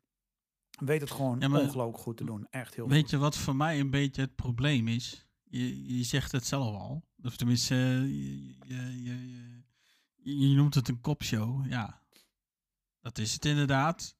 Ehm, maar het zijn er zoveel intussen. Ik ben een beetje kopshow moe. Dat Oh, ik dan dus niet, überhaupt dat ik dan dus überhaupt, eh hoe heet die show, Criminal Record kijk. Hè, want het dat gaat ook over twee politieagenten die eigenlijk kaarsrecht tegenover elkaar staan. Even heel kort door de bocht eh, samengevat. Eh, ja, het is voor mij wel even de enige die ik kijk. En voor de rest in mijn lijst en de lijsten die ik in heb ik heel weinig van dat soort politieseries eh, gedaan. Gewoon puur omdat er zoveel is. En Ja, maar je kijkt er geen. Kijk, kijk wat, wat het ja, meer maar, dat is. ook, maar dat is ook omdat het trekt me intussen niet. Ik heb vroeger heel veel ook detectives en dergelijke eh, gekeken. Eh, Touch of Frost. eh, wat, wat heb je nog meer? Allemaal van die Britse, Baantje en weet ik het wat allemaal. Ik heb het allemaal gezien. Ik heb intussen zoveel gezien dat ik gewoon... Ja, sorry dat ik het zeg, maar gewoon politieserie moe ben. En natuurlijk, Ja, maar deze- detective is er wel Kijk, ik anders. maar... Kijk, ik snap het, maar kijk, je hoeft dit ook niet, niet zoals ik, dat je, eh, want ik stuurde dit ook naar mijn vader door, van kijk. En eh, hij begon later dan mij. En hij zat op een was gegeven moment... eerder klaar. En hij was eerder klaar, dat hij op een gegeven moment bij mij was. Hij zei van, ja, dit. Ik zei, maar pa, zover ben ik nog niet. Oh, oh, oké. dus hij heeft inmiddels waarschijnlijk ook al lang en breed afgekeken, maar Ah joh, die heeft hem al drie keer gezien. Waarschijnlijk wel. Eh, maar dit hoef je niet zoals ik bijvoorbeeld el- elke dag non-stop te kijken. Maar af en toe een aflevering, want dit is... Ik met be- House of Cards wel trouwens. Ja, oh jezus, de volgende week. Het wordt alleen maar House of Cards ik moet kijken trouwens. volgende week wordt een hele zware... Mike, Mike, Michael zware wordt week. wakker jongens. Volgende week staat er weer een... Oh, eh, staat week... part 2 in de planning van House of Cards. En Oh, ondanks eerdere berichten dat het maar twee afleveringen zouden zijn van drie. Michael. Wat ik, wat ik al dacht dat het, dat zou gaan gebeuren, maar dat lekker aan Michael overliet. Dat het er drie zouden worden. Ja. En inderdaad, het worden er dus intussen drie. Dus het wordt volgende week. Kijk, de reden dat ik deze week heel veel heb afgekeken, is omdat ik eh, maandag ga starten met House of Cards, seizoen 3 en 4. Vier, Die, wil ik in, die moet ik in één week afgekeken hebben. En ik ben vorige week begonnen, toen merkte ik al van, oh, dit, want het het zet je in een bepaalde stemming, House of Cards. En geen fijne Ja. stemming namelijk. En Nee. daar had- ik geen zin in. Ik had niet zin in die depressieve deuren eh, eh, gedoe. Dus ik denk, oké, ik kijk alle shit af. Zodat ik volgende week lekker depressief onderuit kan zakken. Met, eh, met een eh, lampje aan en dan kan ik House of Cards kijken. Dus vandaar dat ik eigenlijk de Rookie ook... Want als ik eenmaal begin aan de Rookie met een avond, dan ben ik... Heb ik zoiets oh, ik ga zo eh, film kijken. En voordat ik het weet is het eh 12 uur. En heb ik weer eh, vier afleveringen achter elkaar gekeken s'avonds. Dus ja, dat gaat gewoon door en door en door. En ik moet echt toegeven, een hele, hele toffe show. Eh, Netflix, ik weet dat jullie luisteren. Zet alsjeblieft ook eh, seizoen 5. eh wacht er nog wel even mee. Want ja, op zich... eh, en de Rookie Vets, hè? ja, precies. Zet die gewoon even op Netflix. eh, zeg maar over een, ehm, nou, over een maandje of anderhalf, max twee. Zet hem dan gewoon er even op. Ik weet dat je luistert. Zet hem gewoon even in de, in de, in de agenda neer. En dan, eh, want ik hoef het nu niet meer nu niet te zien. Want ja, ik heb al zoveel nu gezien. Dus dat mag wel even wachten. Eh, dus ja, ik vond het wel cool. Maar het is nu afgelopen. Dus ik heb nu de, de Rookie afgekeken. En Mike en Molly. Dus die zijn nu helemaal klaar. En Sarah Sydney, ja, daar kan ik... Heb je eh, dus weer een zee aan tijd bij. ben ik mee gestopt. SWAT ben ik ook mee gestopt. Dus heb ik eigenlijk volgende week de hele week de tijd om ehm, House of Cards verder te kijken. Maar voordat we zover zijn en naar de, eh, de vetste afkorting ooit gaan, eh, een laatste nieuwtje. Eh, we, hebben Jurassic Park hebben we natuurlijk. Deel 1, 2 en 3. Eh, we hebben Jurassic World Oh ja, 1, 2 en 3. En wij dachten natuurlijk allemaal en hoopten natuurlijk allemaal dat na het hele debakel van de World-serie, dat, het nu, dat ze wel snapten van oké, wij kunnen geen Jurassic Park meer maken. Dat hadden we niet moeten doen met Jurassic World en niet met Fallen Kingdom en al helemaal niet met Dominion. Maar oké, ze hebben het toch gedaan. Eh, dus we hadden eigenlijk gehoopt dat ze nu wel zouden stoppen. Of dat ze gewoon jaren later de show op zouden pakken of de film. Eh, maar het komt nu al volgend jaar. Volgend jaar juni. Ik dacht zelfs 3 of 4 juni eh, komt de nieuwe Jurassic. God mag weten wat, want er is nog geen titel behalve Jurassic. Is aangekondigd. Een van de schrijvers van het origineel die keert terug. Maar dat wil niet heel erg veel zeggen, maar oké. Eh, er was een director aange, eh, aangesteld. David eh Leit. L-I-T-C. Leitch, weet ik veel hoe je het uitspreekt. Leech, Leech, Maakt ook niet meer uit, want die man is er inmiddels alweer uit. Want het moment dat ik dit nieuwtje schreef, toen was hij er. En het moment dat we dit gingen opnemen, was hij er al uit. En er zat twee dagen tussen. dus ehm, eh, hij kwam er gewoon niet uit met Universal en met het eh, productiehuis van Steven Spielberg. Want de verschillen zijn vanwege de, een creatieve, visionaire proces of iets in die richting. Oftewel, ze komen er gewoon niet uit. Eh, Universal wil waarschijnlijk die kant op en David wil een andere kant op. En Universal die heeft eh, natuurlijk voor, eh, voor het zeggen. Dus het is niet geluk. Wat we al wel ongeveer weten, maar dat kan nu ook weer veranderen omdat er een nieuwe director komt. Maar de huidige cast van zowel de Park als de World films, die keren niet meer terug. We krijgen een compleet nieuwe cast. Eh, en je moet je voorstellen, we zitten nu al in februari. En volgend jaar, volgend jaar juni moet die film al uitkomen. En er is nog niks. Helemaal niks. Dus ik ben Nou, maar dan benieuwd. snap je zelf toch ook wel dat juni niet gehaald gaat worden? Juni Nee, maar het is al 25. wel heel groot aangekondigd. Dus ze hebben al wel heel erg groot een aankondiging gedaan van. Eh, en we weten natuurlijk allemaal dat of heel hard gaat floppen. Want als ze het door gaan zetten, wordt het nu al een kutfilm. Dan kan ik je nu al op een bordje geven. Want een film opnemen duurt een half jaar. Daarna moeten nog reshoots gedaan worden. Eh, de CGI, Post-production is ook meestal een jaar. Precies, dus we zijn al te laat. Dus dat gaat hem eigenlijk al niet meer worden. Ik hoop ook dat dat niet gaat lukken, want ik heb daar niet zo heel erg veel eh, hoop voor. Ehm, ik heb heel veel ideeën ervoor. En nu komt eh, de PR-geneuzel. Binnenkort komen we daar heel hard op terug. Met een hele uitgebreide aflevering. Alleen niet op dit kanaal. Hij plucht hem even hoor. Hij, hij, hij, hij plucht toen gewoon even. Die komt op eh Not a Park Egg op YouTube. En dat wordt dan. Dat is de Jurassic Talk eh, spin-off eh, eigenlijk van ons. Of een voorloper. Het is maar net hoe je een het wilt noemen. spin-off? Een Ja, spin-off? het- Jongen, Het jongen, kan ook zijn dat deze app waar wij nu in zitten, dat een spin-off is. Maar maakt allemaal niet uit. We zitten, in de, we zitten in de multiverse van onszelf. Eh, dus daar komen we over een tijdje op Ik zou, terug. ik, zou, ik zou zeggen, doe ze de groeten daar bij Notte Park Egg. Ja, ga ik zeker doen. Dus daar komen we denk ik op terug. En dan gaan we heel lang, want ik hoorde al van, eh, van hem dat hij al heel wat theorieën had erover. Eh, en ik heb ook zo mijn ideeën erover. Dus het wordt waarschijnlijk weer een aflevering van twee uur gebaseerd op alleen maar een logo van Jurassic Park. En wij gaan er helemaal op los. Dus dat, eh, dat, daar komen we nog Maar langzaam op terug. Op zich is dat best wel bijzonder natuurlijk. Want wij hebben 14 onderwerpen nodig om 2 uur en 10 minuten vol te kunnen lullen. Waar nog een stuk afgaat. Dus zeg maar twee, net iets over 2 uur heen. En jullie kunnen serieus 2 uur lullen alleen al over één logootje. Ja, met gemak. En met de trailer destijds van Jurassic World Dominion hebben we ook een opname gehad van twee uur. En hebben we het eigenlijk alleen maar over de trailer gehad wat we zagen. dus zover kunnen we gaan. Als het, als het moet, dan kunnen we heel lang hier, eh, hier zitten. Maar dat eh, bewaar ik voor ehm, die stof bewaren. Want ik weet dat jij totaal geen Jurassic Park World fan bent. En er ook niet zo Nou ja, ik heb, er niet, dus- ik, ik heb er niet zo heel veel mee. Laten we het daarop, eh, laten we het daarop houden. Ik heb, Ja. ja, ik heb er niet zo heel veel mee. Het, wa het waren oké films, maar... Ja, precies. Nee, dat dus inderdaad. En dat is op zich Maar- zonde. Oh, Dan nu. Ja. De.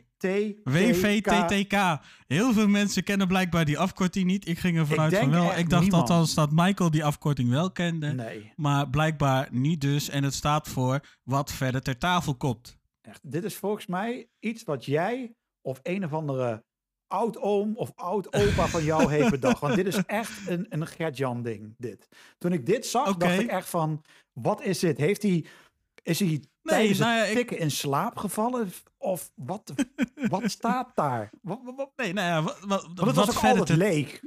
het, het, het staat dus voor wat verder ter tafel komt. Dus ja, daar hoef ik dus niet, niet per se iets eh, eronder te zetten. Het zijn gewoon We- dingen weet die je dan wat ik dacht dat het was in het begin? Waar we het dan over Nou, Kijk, wat ik vaak doe als ik documenten opstel en ik maak eh, koppen, dan maak ik een kop en dan doe ik, ram Ja. ik gewoon wat willekeurige dingen op het toetsenbord en dan geef ik dan een kleurtje en dan kopieer ik dat. oh, een dan- soort eh, lorem ipsum. Ja, precies. Ik dacht al dat het dit was, maar totdat ik Nee, even nee, ging googlen en dacht van, ja, het is een Gert-Jan dingetje. Iedereen is nu ook alweer vergeten wat het was, maar stel dat Wat verder ter tafel komt. Ja, precies. Ja, het is gewoon een wat algemeen dingetje. Ja, als er dan dus onderwerpen in één keer spontaan komen, dan hebben we er hier nu ruimte voor. Ja. En ik zat dus te denken van ja, eh, we bespreken dan wel eh, wat we hebben gezien. En dat is natuurlijk ook altijd wel hartstikke leuk. En in dat opzicht inspireert het misschien anderen ook om eh, dingen te gaan kijken. Net zoals dat jij mij dus inspireert om, om, om dan dingen te gaan zien. En eh, jij ook, zoals bijvoorbeeld met de bear. Hè, die vertelde ik hierover in de podcast. En een paar dagen later, of nou ja, een paar keer later. Een dag later. Ah, ik, had, ik had het de laatste in ieder geval weer over. En een dag later. Ik zit nu bij aflevering zoveel. En was je al gewoon al verder dan mij. En dat vond ik eigenlijk een beetje. eh. Dus eh, ik heb toen een avondje gekeken. En eh, toen was ik jou gelukkig weer voorbij met de bear. Over de berg gesproken.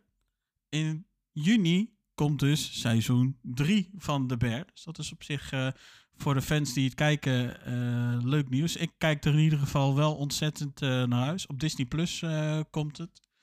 En ehm, je had het net over, eh, toen ik het over Ferrari had, dat jij eh, de serie, of de film, sorry, eh, ook gaat kijken. Omdat jij dan wil zien hoe hij dan omgaat met het bedrijf. Of wat in ieder geval de film dan dus laat zien wat er dan dus met het bedrijf gebeurt qua perikelen en noem het dan op. Dat was voor mij namelijk ook een mooie trigger. En daarvoor is dus deze WVTTK en dat is dus helemaal perfect. Ik heb laatst namelijk een trailer gezien van eh, de New Look. Die komt eh, naar Apple TV Plus.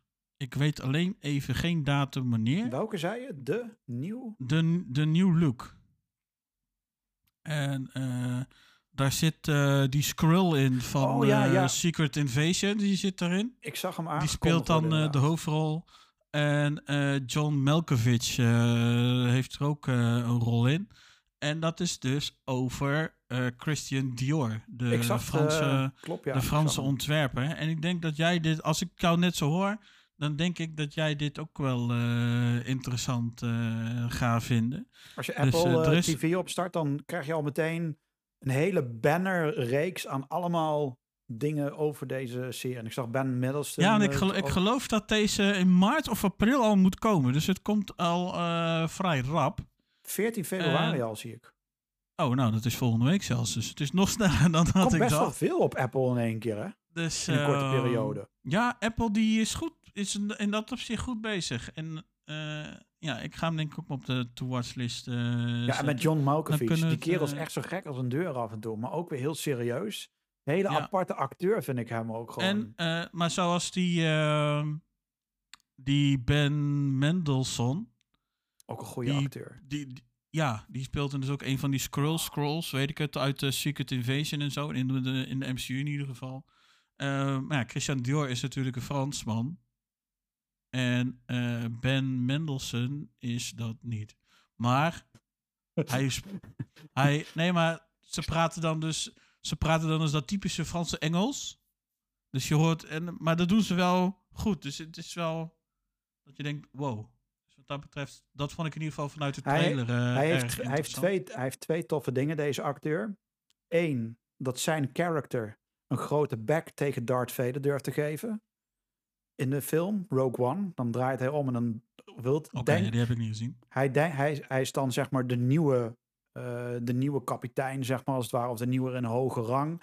Hij ziet er allemaal heel flits uit. En dan staat hij tegenover Darth Vader.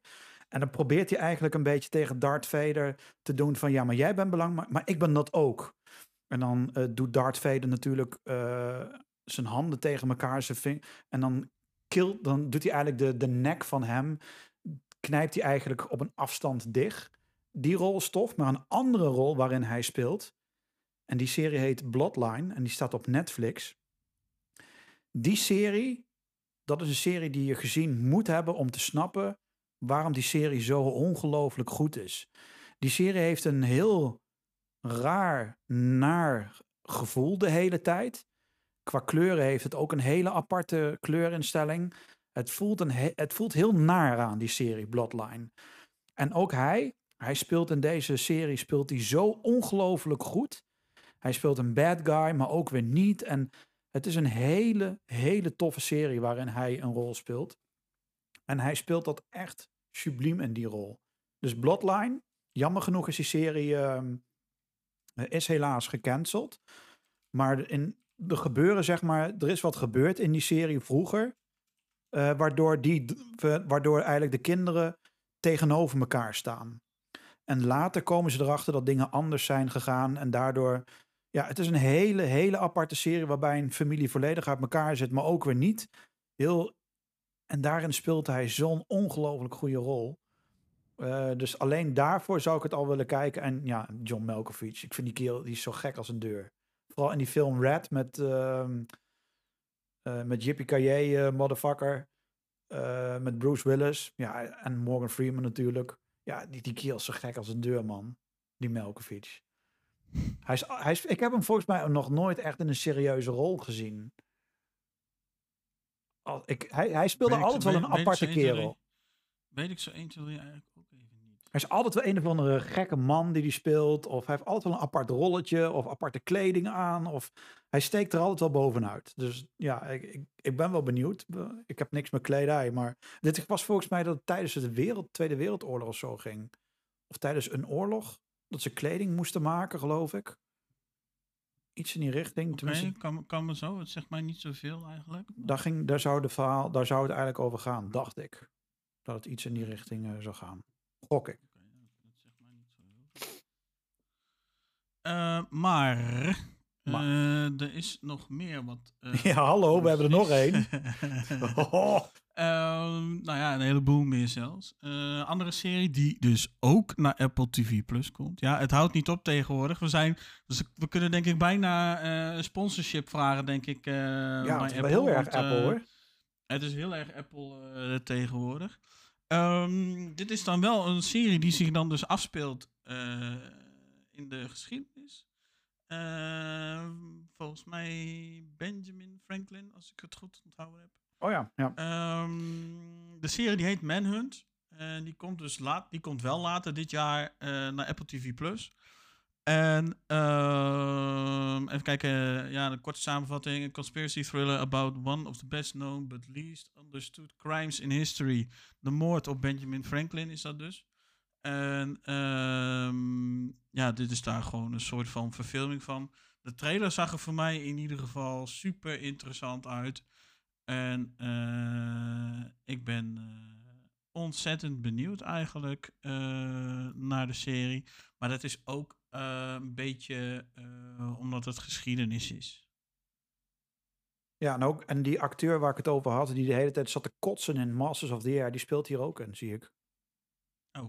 Oké. nou, daar, daar heb ik dan weer specifiek niet, eh, niet op gelet. En, eh, mij hij stak- dat verder ook Ik zag hem in één keer voorbij komen, dus ik dacht van nou, zou hij in deze film ook weer de hele tijd gaan lopen kotsen? Maar goed, dat tezijde. Dat doet hij dus gelukkig, dat doet hij dus gelukkig niet. Nee, maar dat, Ja, en, dat is natuurlijk nu wel een dingetje met Apple. Dat begint nu natuurlijk langzaam te komen. Dat zie je bij Netflix ook. Netflix heeft natuurlijk elke film eh, heeft een beetje dezelfde soort eh, cast gekregen. En Mhm. dat begint nu langzaam, begint het natuurlijk met Apple ook te gebeuren. En dat vind ik op zich best wel jammer dat we op een gegeven moment nu elke acteur, die wordt eruit geplukt en die worden dan weer in die film gegooid. ah, en in die die wordt dan, serie. ja, Snap je wat ik bedoel? Dan, dan heb ik zoiets van, oké, leuk, maar ja, dan krijg je als het ware een soort eh, Apple TV Plus universum. Want daar Ja. zitten alleen maar die acteurs. Precies. En dan heb je een Netflix universe, want daar zit alleen...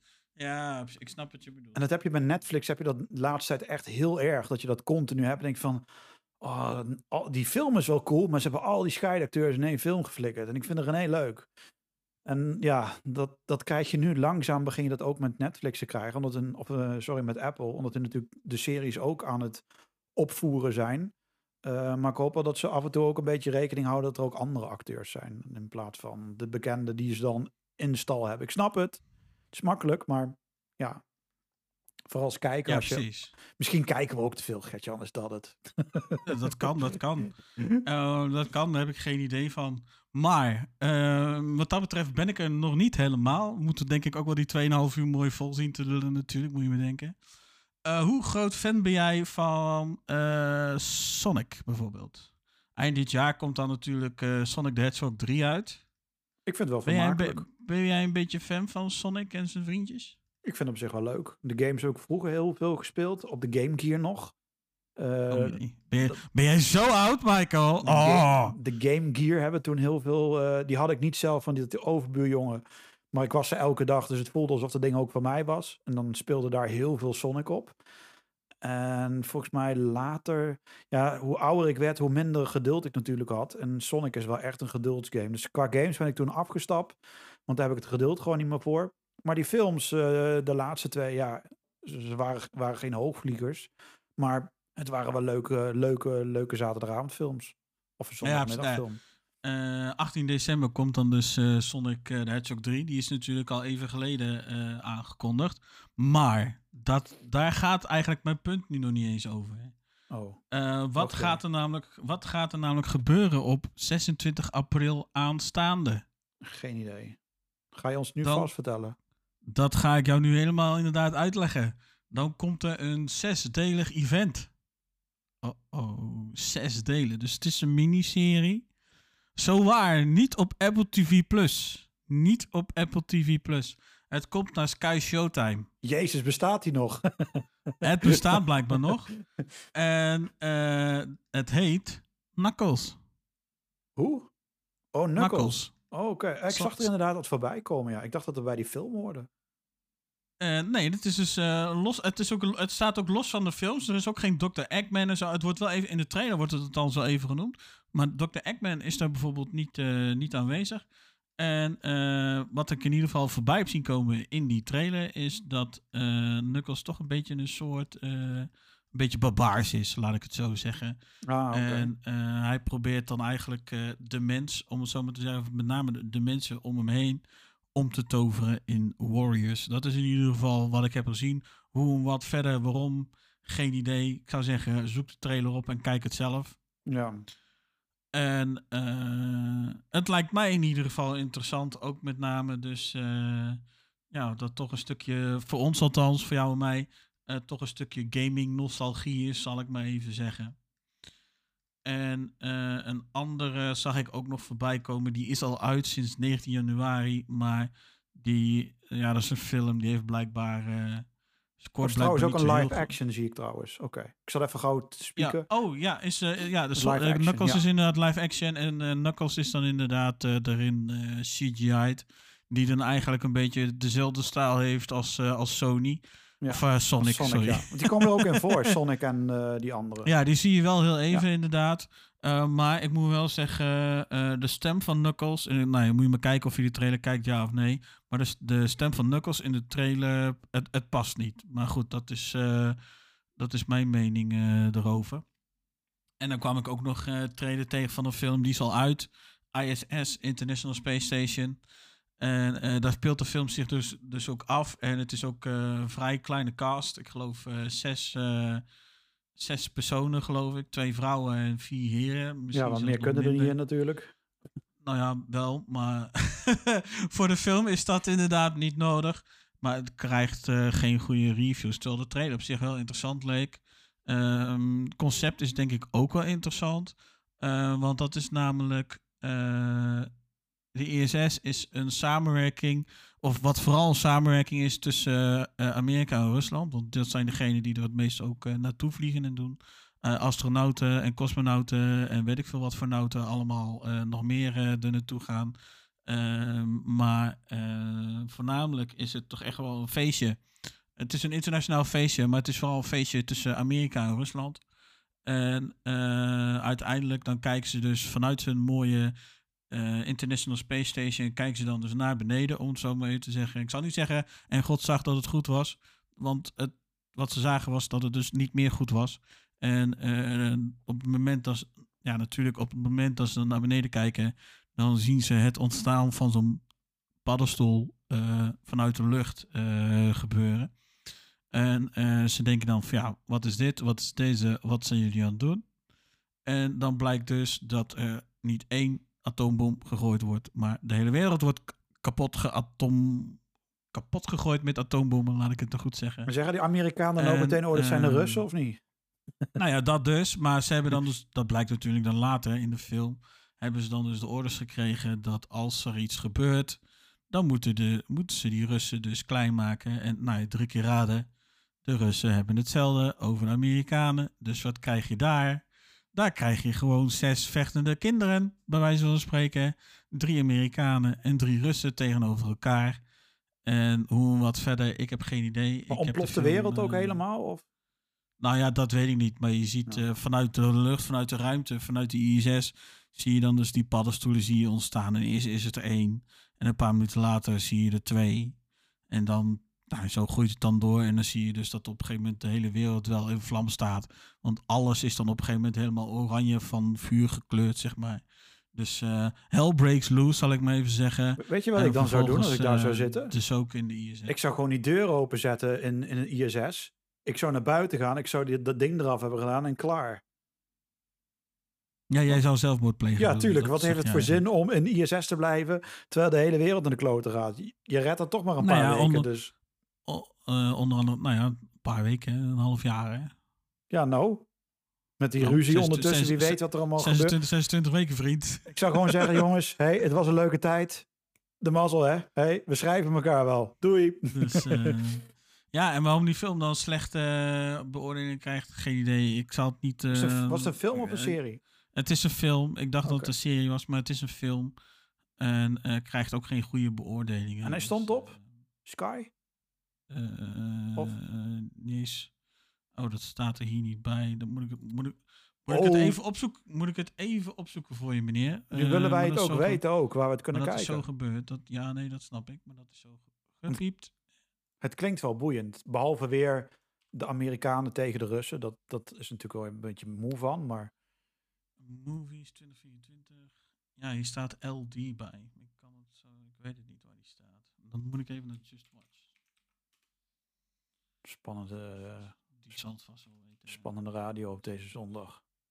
Nou, op deze zondag. Is not available for stream. Oh, niet in Nederland beschikbaar. Oh, nou, oftewel, voorlopig gaan we deze nog niet kunnen zien. Of misschien helemaal niet. Ik Kan denk zelfs helemaal niet, inderdaad. Maar het klinkt boeiend. Het klinkt op zich leuk. eh, oh. Eh, in Amerika, Apple TV. oh, oh, dan komt hij misschien ook wel in Nederland. eh 20 Apple TV. dollar. Dus dat vind ik dan wel Oeh, dat is wel heel veel geld, ja. Nee, dat vind ik te veel voor zo'n film. Ja, en scoort dus maar een 5,4 hè, op IMDb. Dus Ah, Oké. ik zou hem uit de budgetbak plukken. Oh, op Amazon is die ook, ook 20 of 25 om te kopen. Dat vind ik veel. Vind ik echt veel. Google Play Movies, YouTube. Nee, dat vind ik echt te veel. Voor de creator was zo'n 15. Dat vond ik echt prima. Dat had ook 20 kunnen zijn voor mij. Maar dat was, wel, Dus, dat is wel de eh, max. Dus, ehm, hadden we dingen al? Is- had, had je alles al gehad van de lijst? Want degene die nu op post staat, hebben we nog niet gehad, toch? Nee, Of heb je nog maar dan heb je toch nog eh, jouw puntje, toch? Heb ik nog een punt? Of- ik heb geen punt Of, had je het erover, of heb je het erover gehad? Ben ik, ben ik gewoon... Ben ik, Oh, ik denk, je loopt de hele lijst naar, inclusief eh, hallo. Oh, oké, oké. Nou, dan pak ik die erbij. Eh, seizoen 2 van Halo, die komt volgende week. Ik had niet verwacht dat hij een tweede seizoen zou krijgen. Want ik weet dat eerste seizoen en wij gamers, ik behoor ook eronder, Ja, En ik, we ik, ik kunnen heel het erg al- janken. We kunnen echt janken. Eh, we, heel, heel Het was al vrij snel bevestigd dat het zou komen, hoor. Ja, maar Dus ik vind het vaak, een beetje- vaak wordt een serie ook al kan ook gecanceld worden. Want Halo heeft echt alleen maar negatieve reviews gehad. Er is weinig die Ja, maar v- best wel qua verhaal-. Qua, qua verhaal gaan ze in eh, Halo seizoen 2 een totaal andere... Ja, andere maar dat was op. het punt niet. Hè? Het punt was dat Master Chief zijn helm niet afdoet. En hier in deze film Oh, deed doet hij hier continu natuurlijk zijn je. helmpje af. En eh, ja, allemaal, kijk, ik lag daar niet wakker van. Ik, ja, ik ben eh, een gamer. Ja, ik ben Halo-fan van dag 1. Was Halo-fan van dag 1. Eh, en ja, hij doet zijn helmpje, houdt hij houdt het op. Maar dit is een serie, jongens, is wat anders. En ik vond die eerste, want het was een van de eerste grote Sky Showtime series, volgens mij ook nog in die tijd. Volgens mij was het niet vorig jaar, maar een jaar ervoor, dacht ik al. Seizoen 1. En het is al even geleden, ja. Ja, en ik vond het gewoon heel erg tof hoe het eruit zag. Dat je op een gegeven moment die first-person view kreeg, precies zoals het in de game ook was. Eh, hoe die vijanden eruit zagen, was ook gewoon heel erg tof gedaan. Verhaal, ja, iedereen liep erover te zeiken. Maar ik denk van ja, was het verhaal in de Halo-game dan zo boeiend? Ik bedoel, kom ik op vond jongens. Het verhaal, ik, ik vond het verhaal niet slecht. Ik moet zeggen, ik ben Precies. geen console gamer. Dus ik heb geen Halo gespeeld. Dus ik weet niet hoe die game is. Ik weet ook wel dat er één game is van Halo op de PC. Maar die is intussen ook dusdanig oud dat het eigenlijk ook niet interessant meer is om het te spelen. Uh, maar ik vond het verhaal van Halo vond ik wel interessant.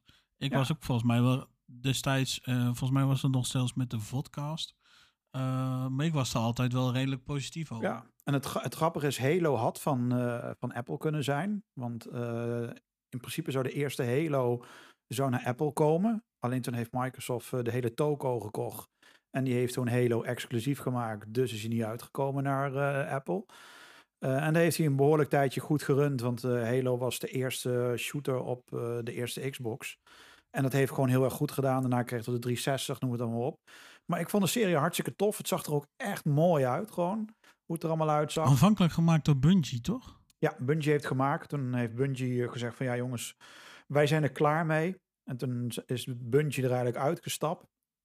En die heeft volgens mij de toko toen uh, los weten te krijgen van, uh, van Microsoft. En toen heeft 343 Studios heeft het toen overgenomen. En die heeft Ja, eigenlijk de nieuwe um, dingen gemaakt. En Bungie is natuurlijk verder gegaan destijds met, Destiny. Wat ook alweer bijna ook alweer tien jaar geleden is dat, uh, dat Destiny uitkwam. Jezus, dat, ja, en, dat want ik zag, volgend jaar komt dan de laatste uitbreiding uit voor Destiny 2. Ja En precies. dat moet uh, een einde maken aan het verhaal. Wat ze dan dus gestart hebben met. Uh, wordt het wel een beetje Game Talk eigenlijk nu. Maar wat ze dus gestart hebben met, uh, met Destiny 1. En wat nu dan dus eindelijk na meer dan een decennium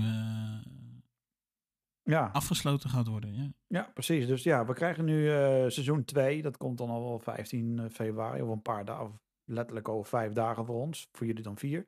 Maar ik, ik kijk er wel naar uit. Ik denk wel dat ik even weer seizoen ik denk dat ik deze ga wachten. Ik weet niet of hij er helemaal op staat, maar dat ik hem gewoon ga opsparen. En dat ik dan seizoen 1 en 2 redelijk achter elkaar kijk. Want ik kan me niet veel meer herinneren van wat er nu was gebeurd. Uh, behalve dat, dat ik het destijds gewoon heel erg tof vond. Dus ja, ga... met, met wat mysterieuze objecten of zo. Ja, die precies. dan dus uh, En waar eh, Master Chief dan dus zich soort van tot aangetrokken voelt of zo. Ja, het ging op een gegeven moment mee- alle kanten of er, iets eruit. mee, eh, of er iets mee kan. En dan zijn er eh, meerdere mensen in het universum. En dan Ja. willen die... Ik ben even de naam van dat eh, alien race ben ik even kwijt. Maar die zijn dan De eigenlijk ook op... Ja, die zijn dan ook een beetje op zoek naar eh, Master Chief en weet ik het wat voor de... Omdat hij kan interacten met die dingen. En, en, Precies. En dan, ja, er gebeurt, er gebeurt best wel veel in, dus ik wil gewoon weer even opnieuw Ja. kijken. Het is echt weer te lang geleden en dan eh, pak ik deze erachteraan. Want ja, ik, ben wel, ik, ik blijf er wel fan van. Ik vond het een toffe serie. Dus, eh, en dan heb ik weer een reden om de Sky Showtime app weer even uit het stof te halen.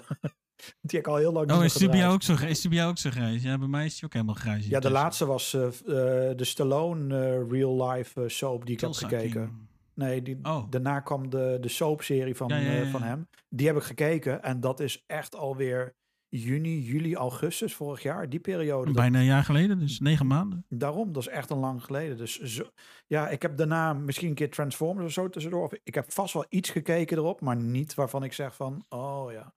Wat dat betreft ook wel weinig wat nieuw komt hè, op Sky Show. Slecht, Het is dat ik nu dan. Knuckles zie, maar wat dat betreft is het vooral qua nieuwe content komt er niet heel veel op Dat is eh, Sky heel. Showtime. Dat is wel jammer. Dat vind ik echt, ik wou zeggen, dat vind ik echt jammer. Want ze hebben op zich genoeg IP eh, waar ze echt wel veel mee kunnen. Ja, heel absoluut. veel mee kunnen. Maar ze doen er gewoon. dus eh, in ik dat opzicht echt heel jammer. Tulsa King is natuurlijk nog in de maak. En de real life soap van Stallone, ja, die is ook wel in de maak. Dat is leuk, maar er moet ook gewoon meer op komen. Zo simpel is het. We missen daar gewoon Kijk, veel meer content op. Tip, kijk naar Apple TV, Sky Showtime. Kijk hoe Apple TV ja, doet. precies. Die hebben het, die, maar die hebben het ook in één keer. Want Apple TV was ook helemaal niks in vergelijking tot wat ze nu zijn. En in één keer uit het niks eh, hebben, ze, hebben ze heel hard geïnvesteerd in alles. Want die series worden natuurlijk niet allemaal in een, in een paar maanden tijd gedraaid. Dus ze hebben echt wel goed dat ook on, ja, gewoon stil weten te houden. Want uit het niets kwam daar in één keer die nieuwe Godzilla-serie. Masters of the Air werd aangekondigd. Eh, Killers of the Flower Moon die in één keer naar voren kwam. Alles, dat, dat werd achter elkaar eruit getrapt. Dat ik dacht van, wauw, jullie zijn hard bezig geweest en niks is uitgelekt. Want Ja, en dan, en dan komt het dus nog, hè, met de, de New Look bijvoorbeeld komt er wat. En dan Ja. heb je nog dingen als eh, Silo, of de Silo, ik weet even niet meer die heet. ja, er maar in ieder geval Silo, dat is eh, ook een verfilming van een boek dan. Maar vond ik althans ook wel erg interessant eh, om te zien. Ja. Dus wat dat betreft is eh, Apple TV is echt wel hard aan de weg aan het timmeren. Op een positieve manier.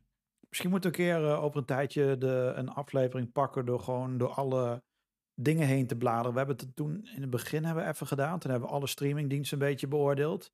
En dan nu gewoon eens even kijken wat er allemaal in zit. Want ik weet dat er heel veel Ja, is. als een soort van tussenstand op te maken. Precies, van hoe, hoe is het nu? Want ik weet dat de, de apps zijn nu allemaal verbeterd, maar ook hoe zit het gewoon qua content? Want ik kan me ook voorstellen, want Amazon is echt zo'n platform, dat moet je één keer in de tijd, moet je even aanzetten. Want uit het niks staan, daar worden daar gewoon vijf, zes van die B-films opgezet. Het zijn geen hoogvliegers, maar het zijn wel van die leuke films om even s'avonds te kijken.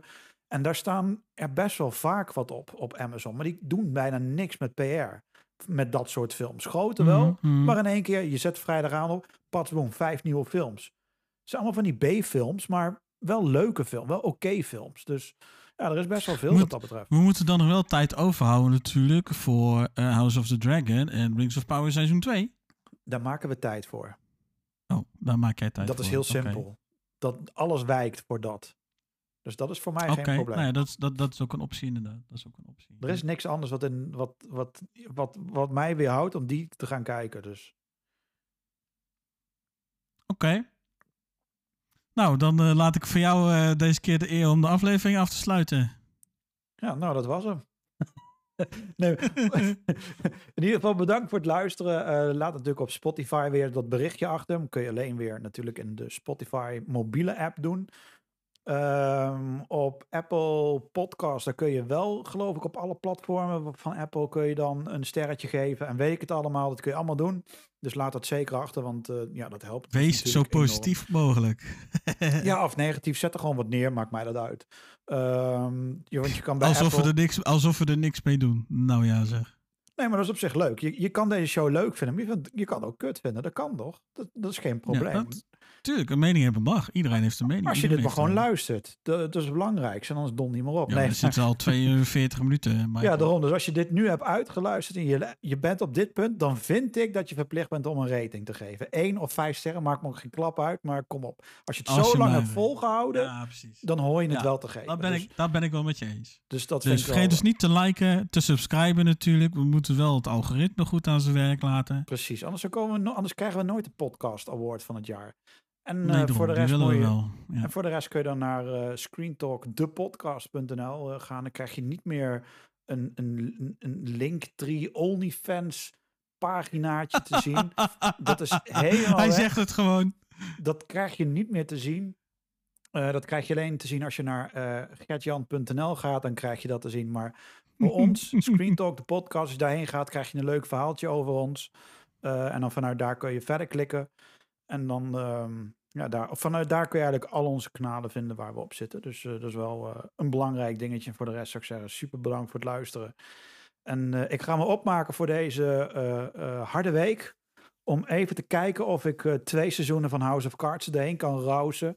Zodat we volgende week House of Cards part 2 kunnen gaan bespreken. Seizoen 3 en 4. En 4.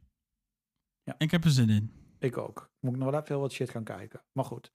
Dus dit gaat een heel lang documentje worden van heel veel pagina's. Kan ik je nu al voorspellen. Gaan we dan wel redden in twee uurtjes? Jawel, want ik roust er wel doorheen. Dat Oké, komt goed. We gaan niet eh, zes uur zitten. Dat is eh, een beetje idioot. Ik, heb, Oh, gelukkig. ik noteer veel, maar ik ga daar selectief in zijn. En dan eh, vliegen we door House of Cards heen. Ja, dat was het. Oké, nou bedankt voor het luisteren.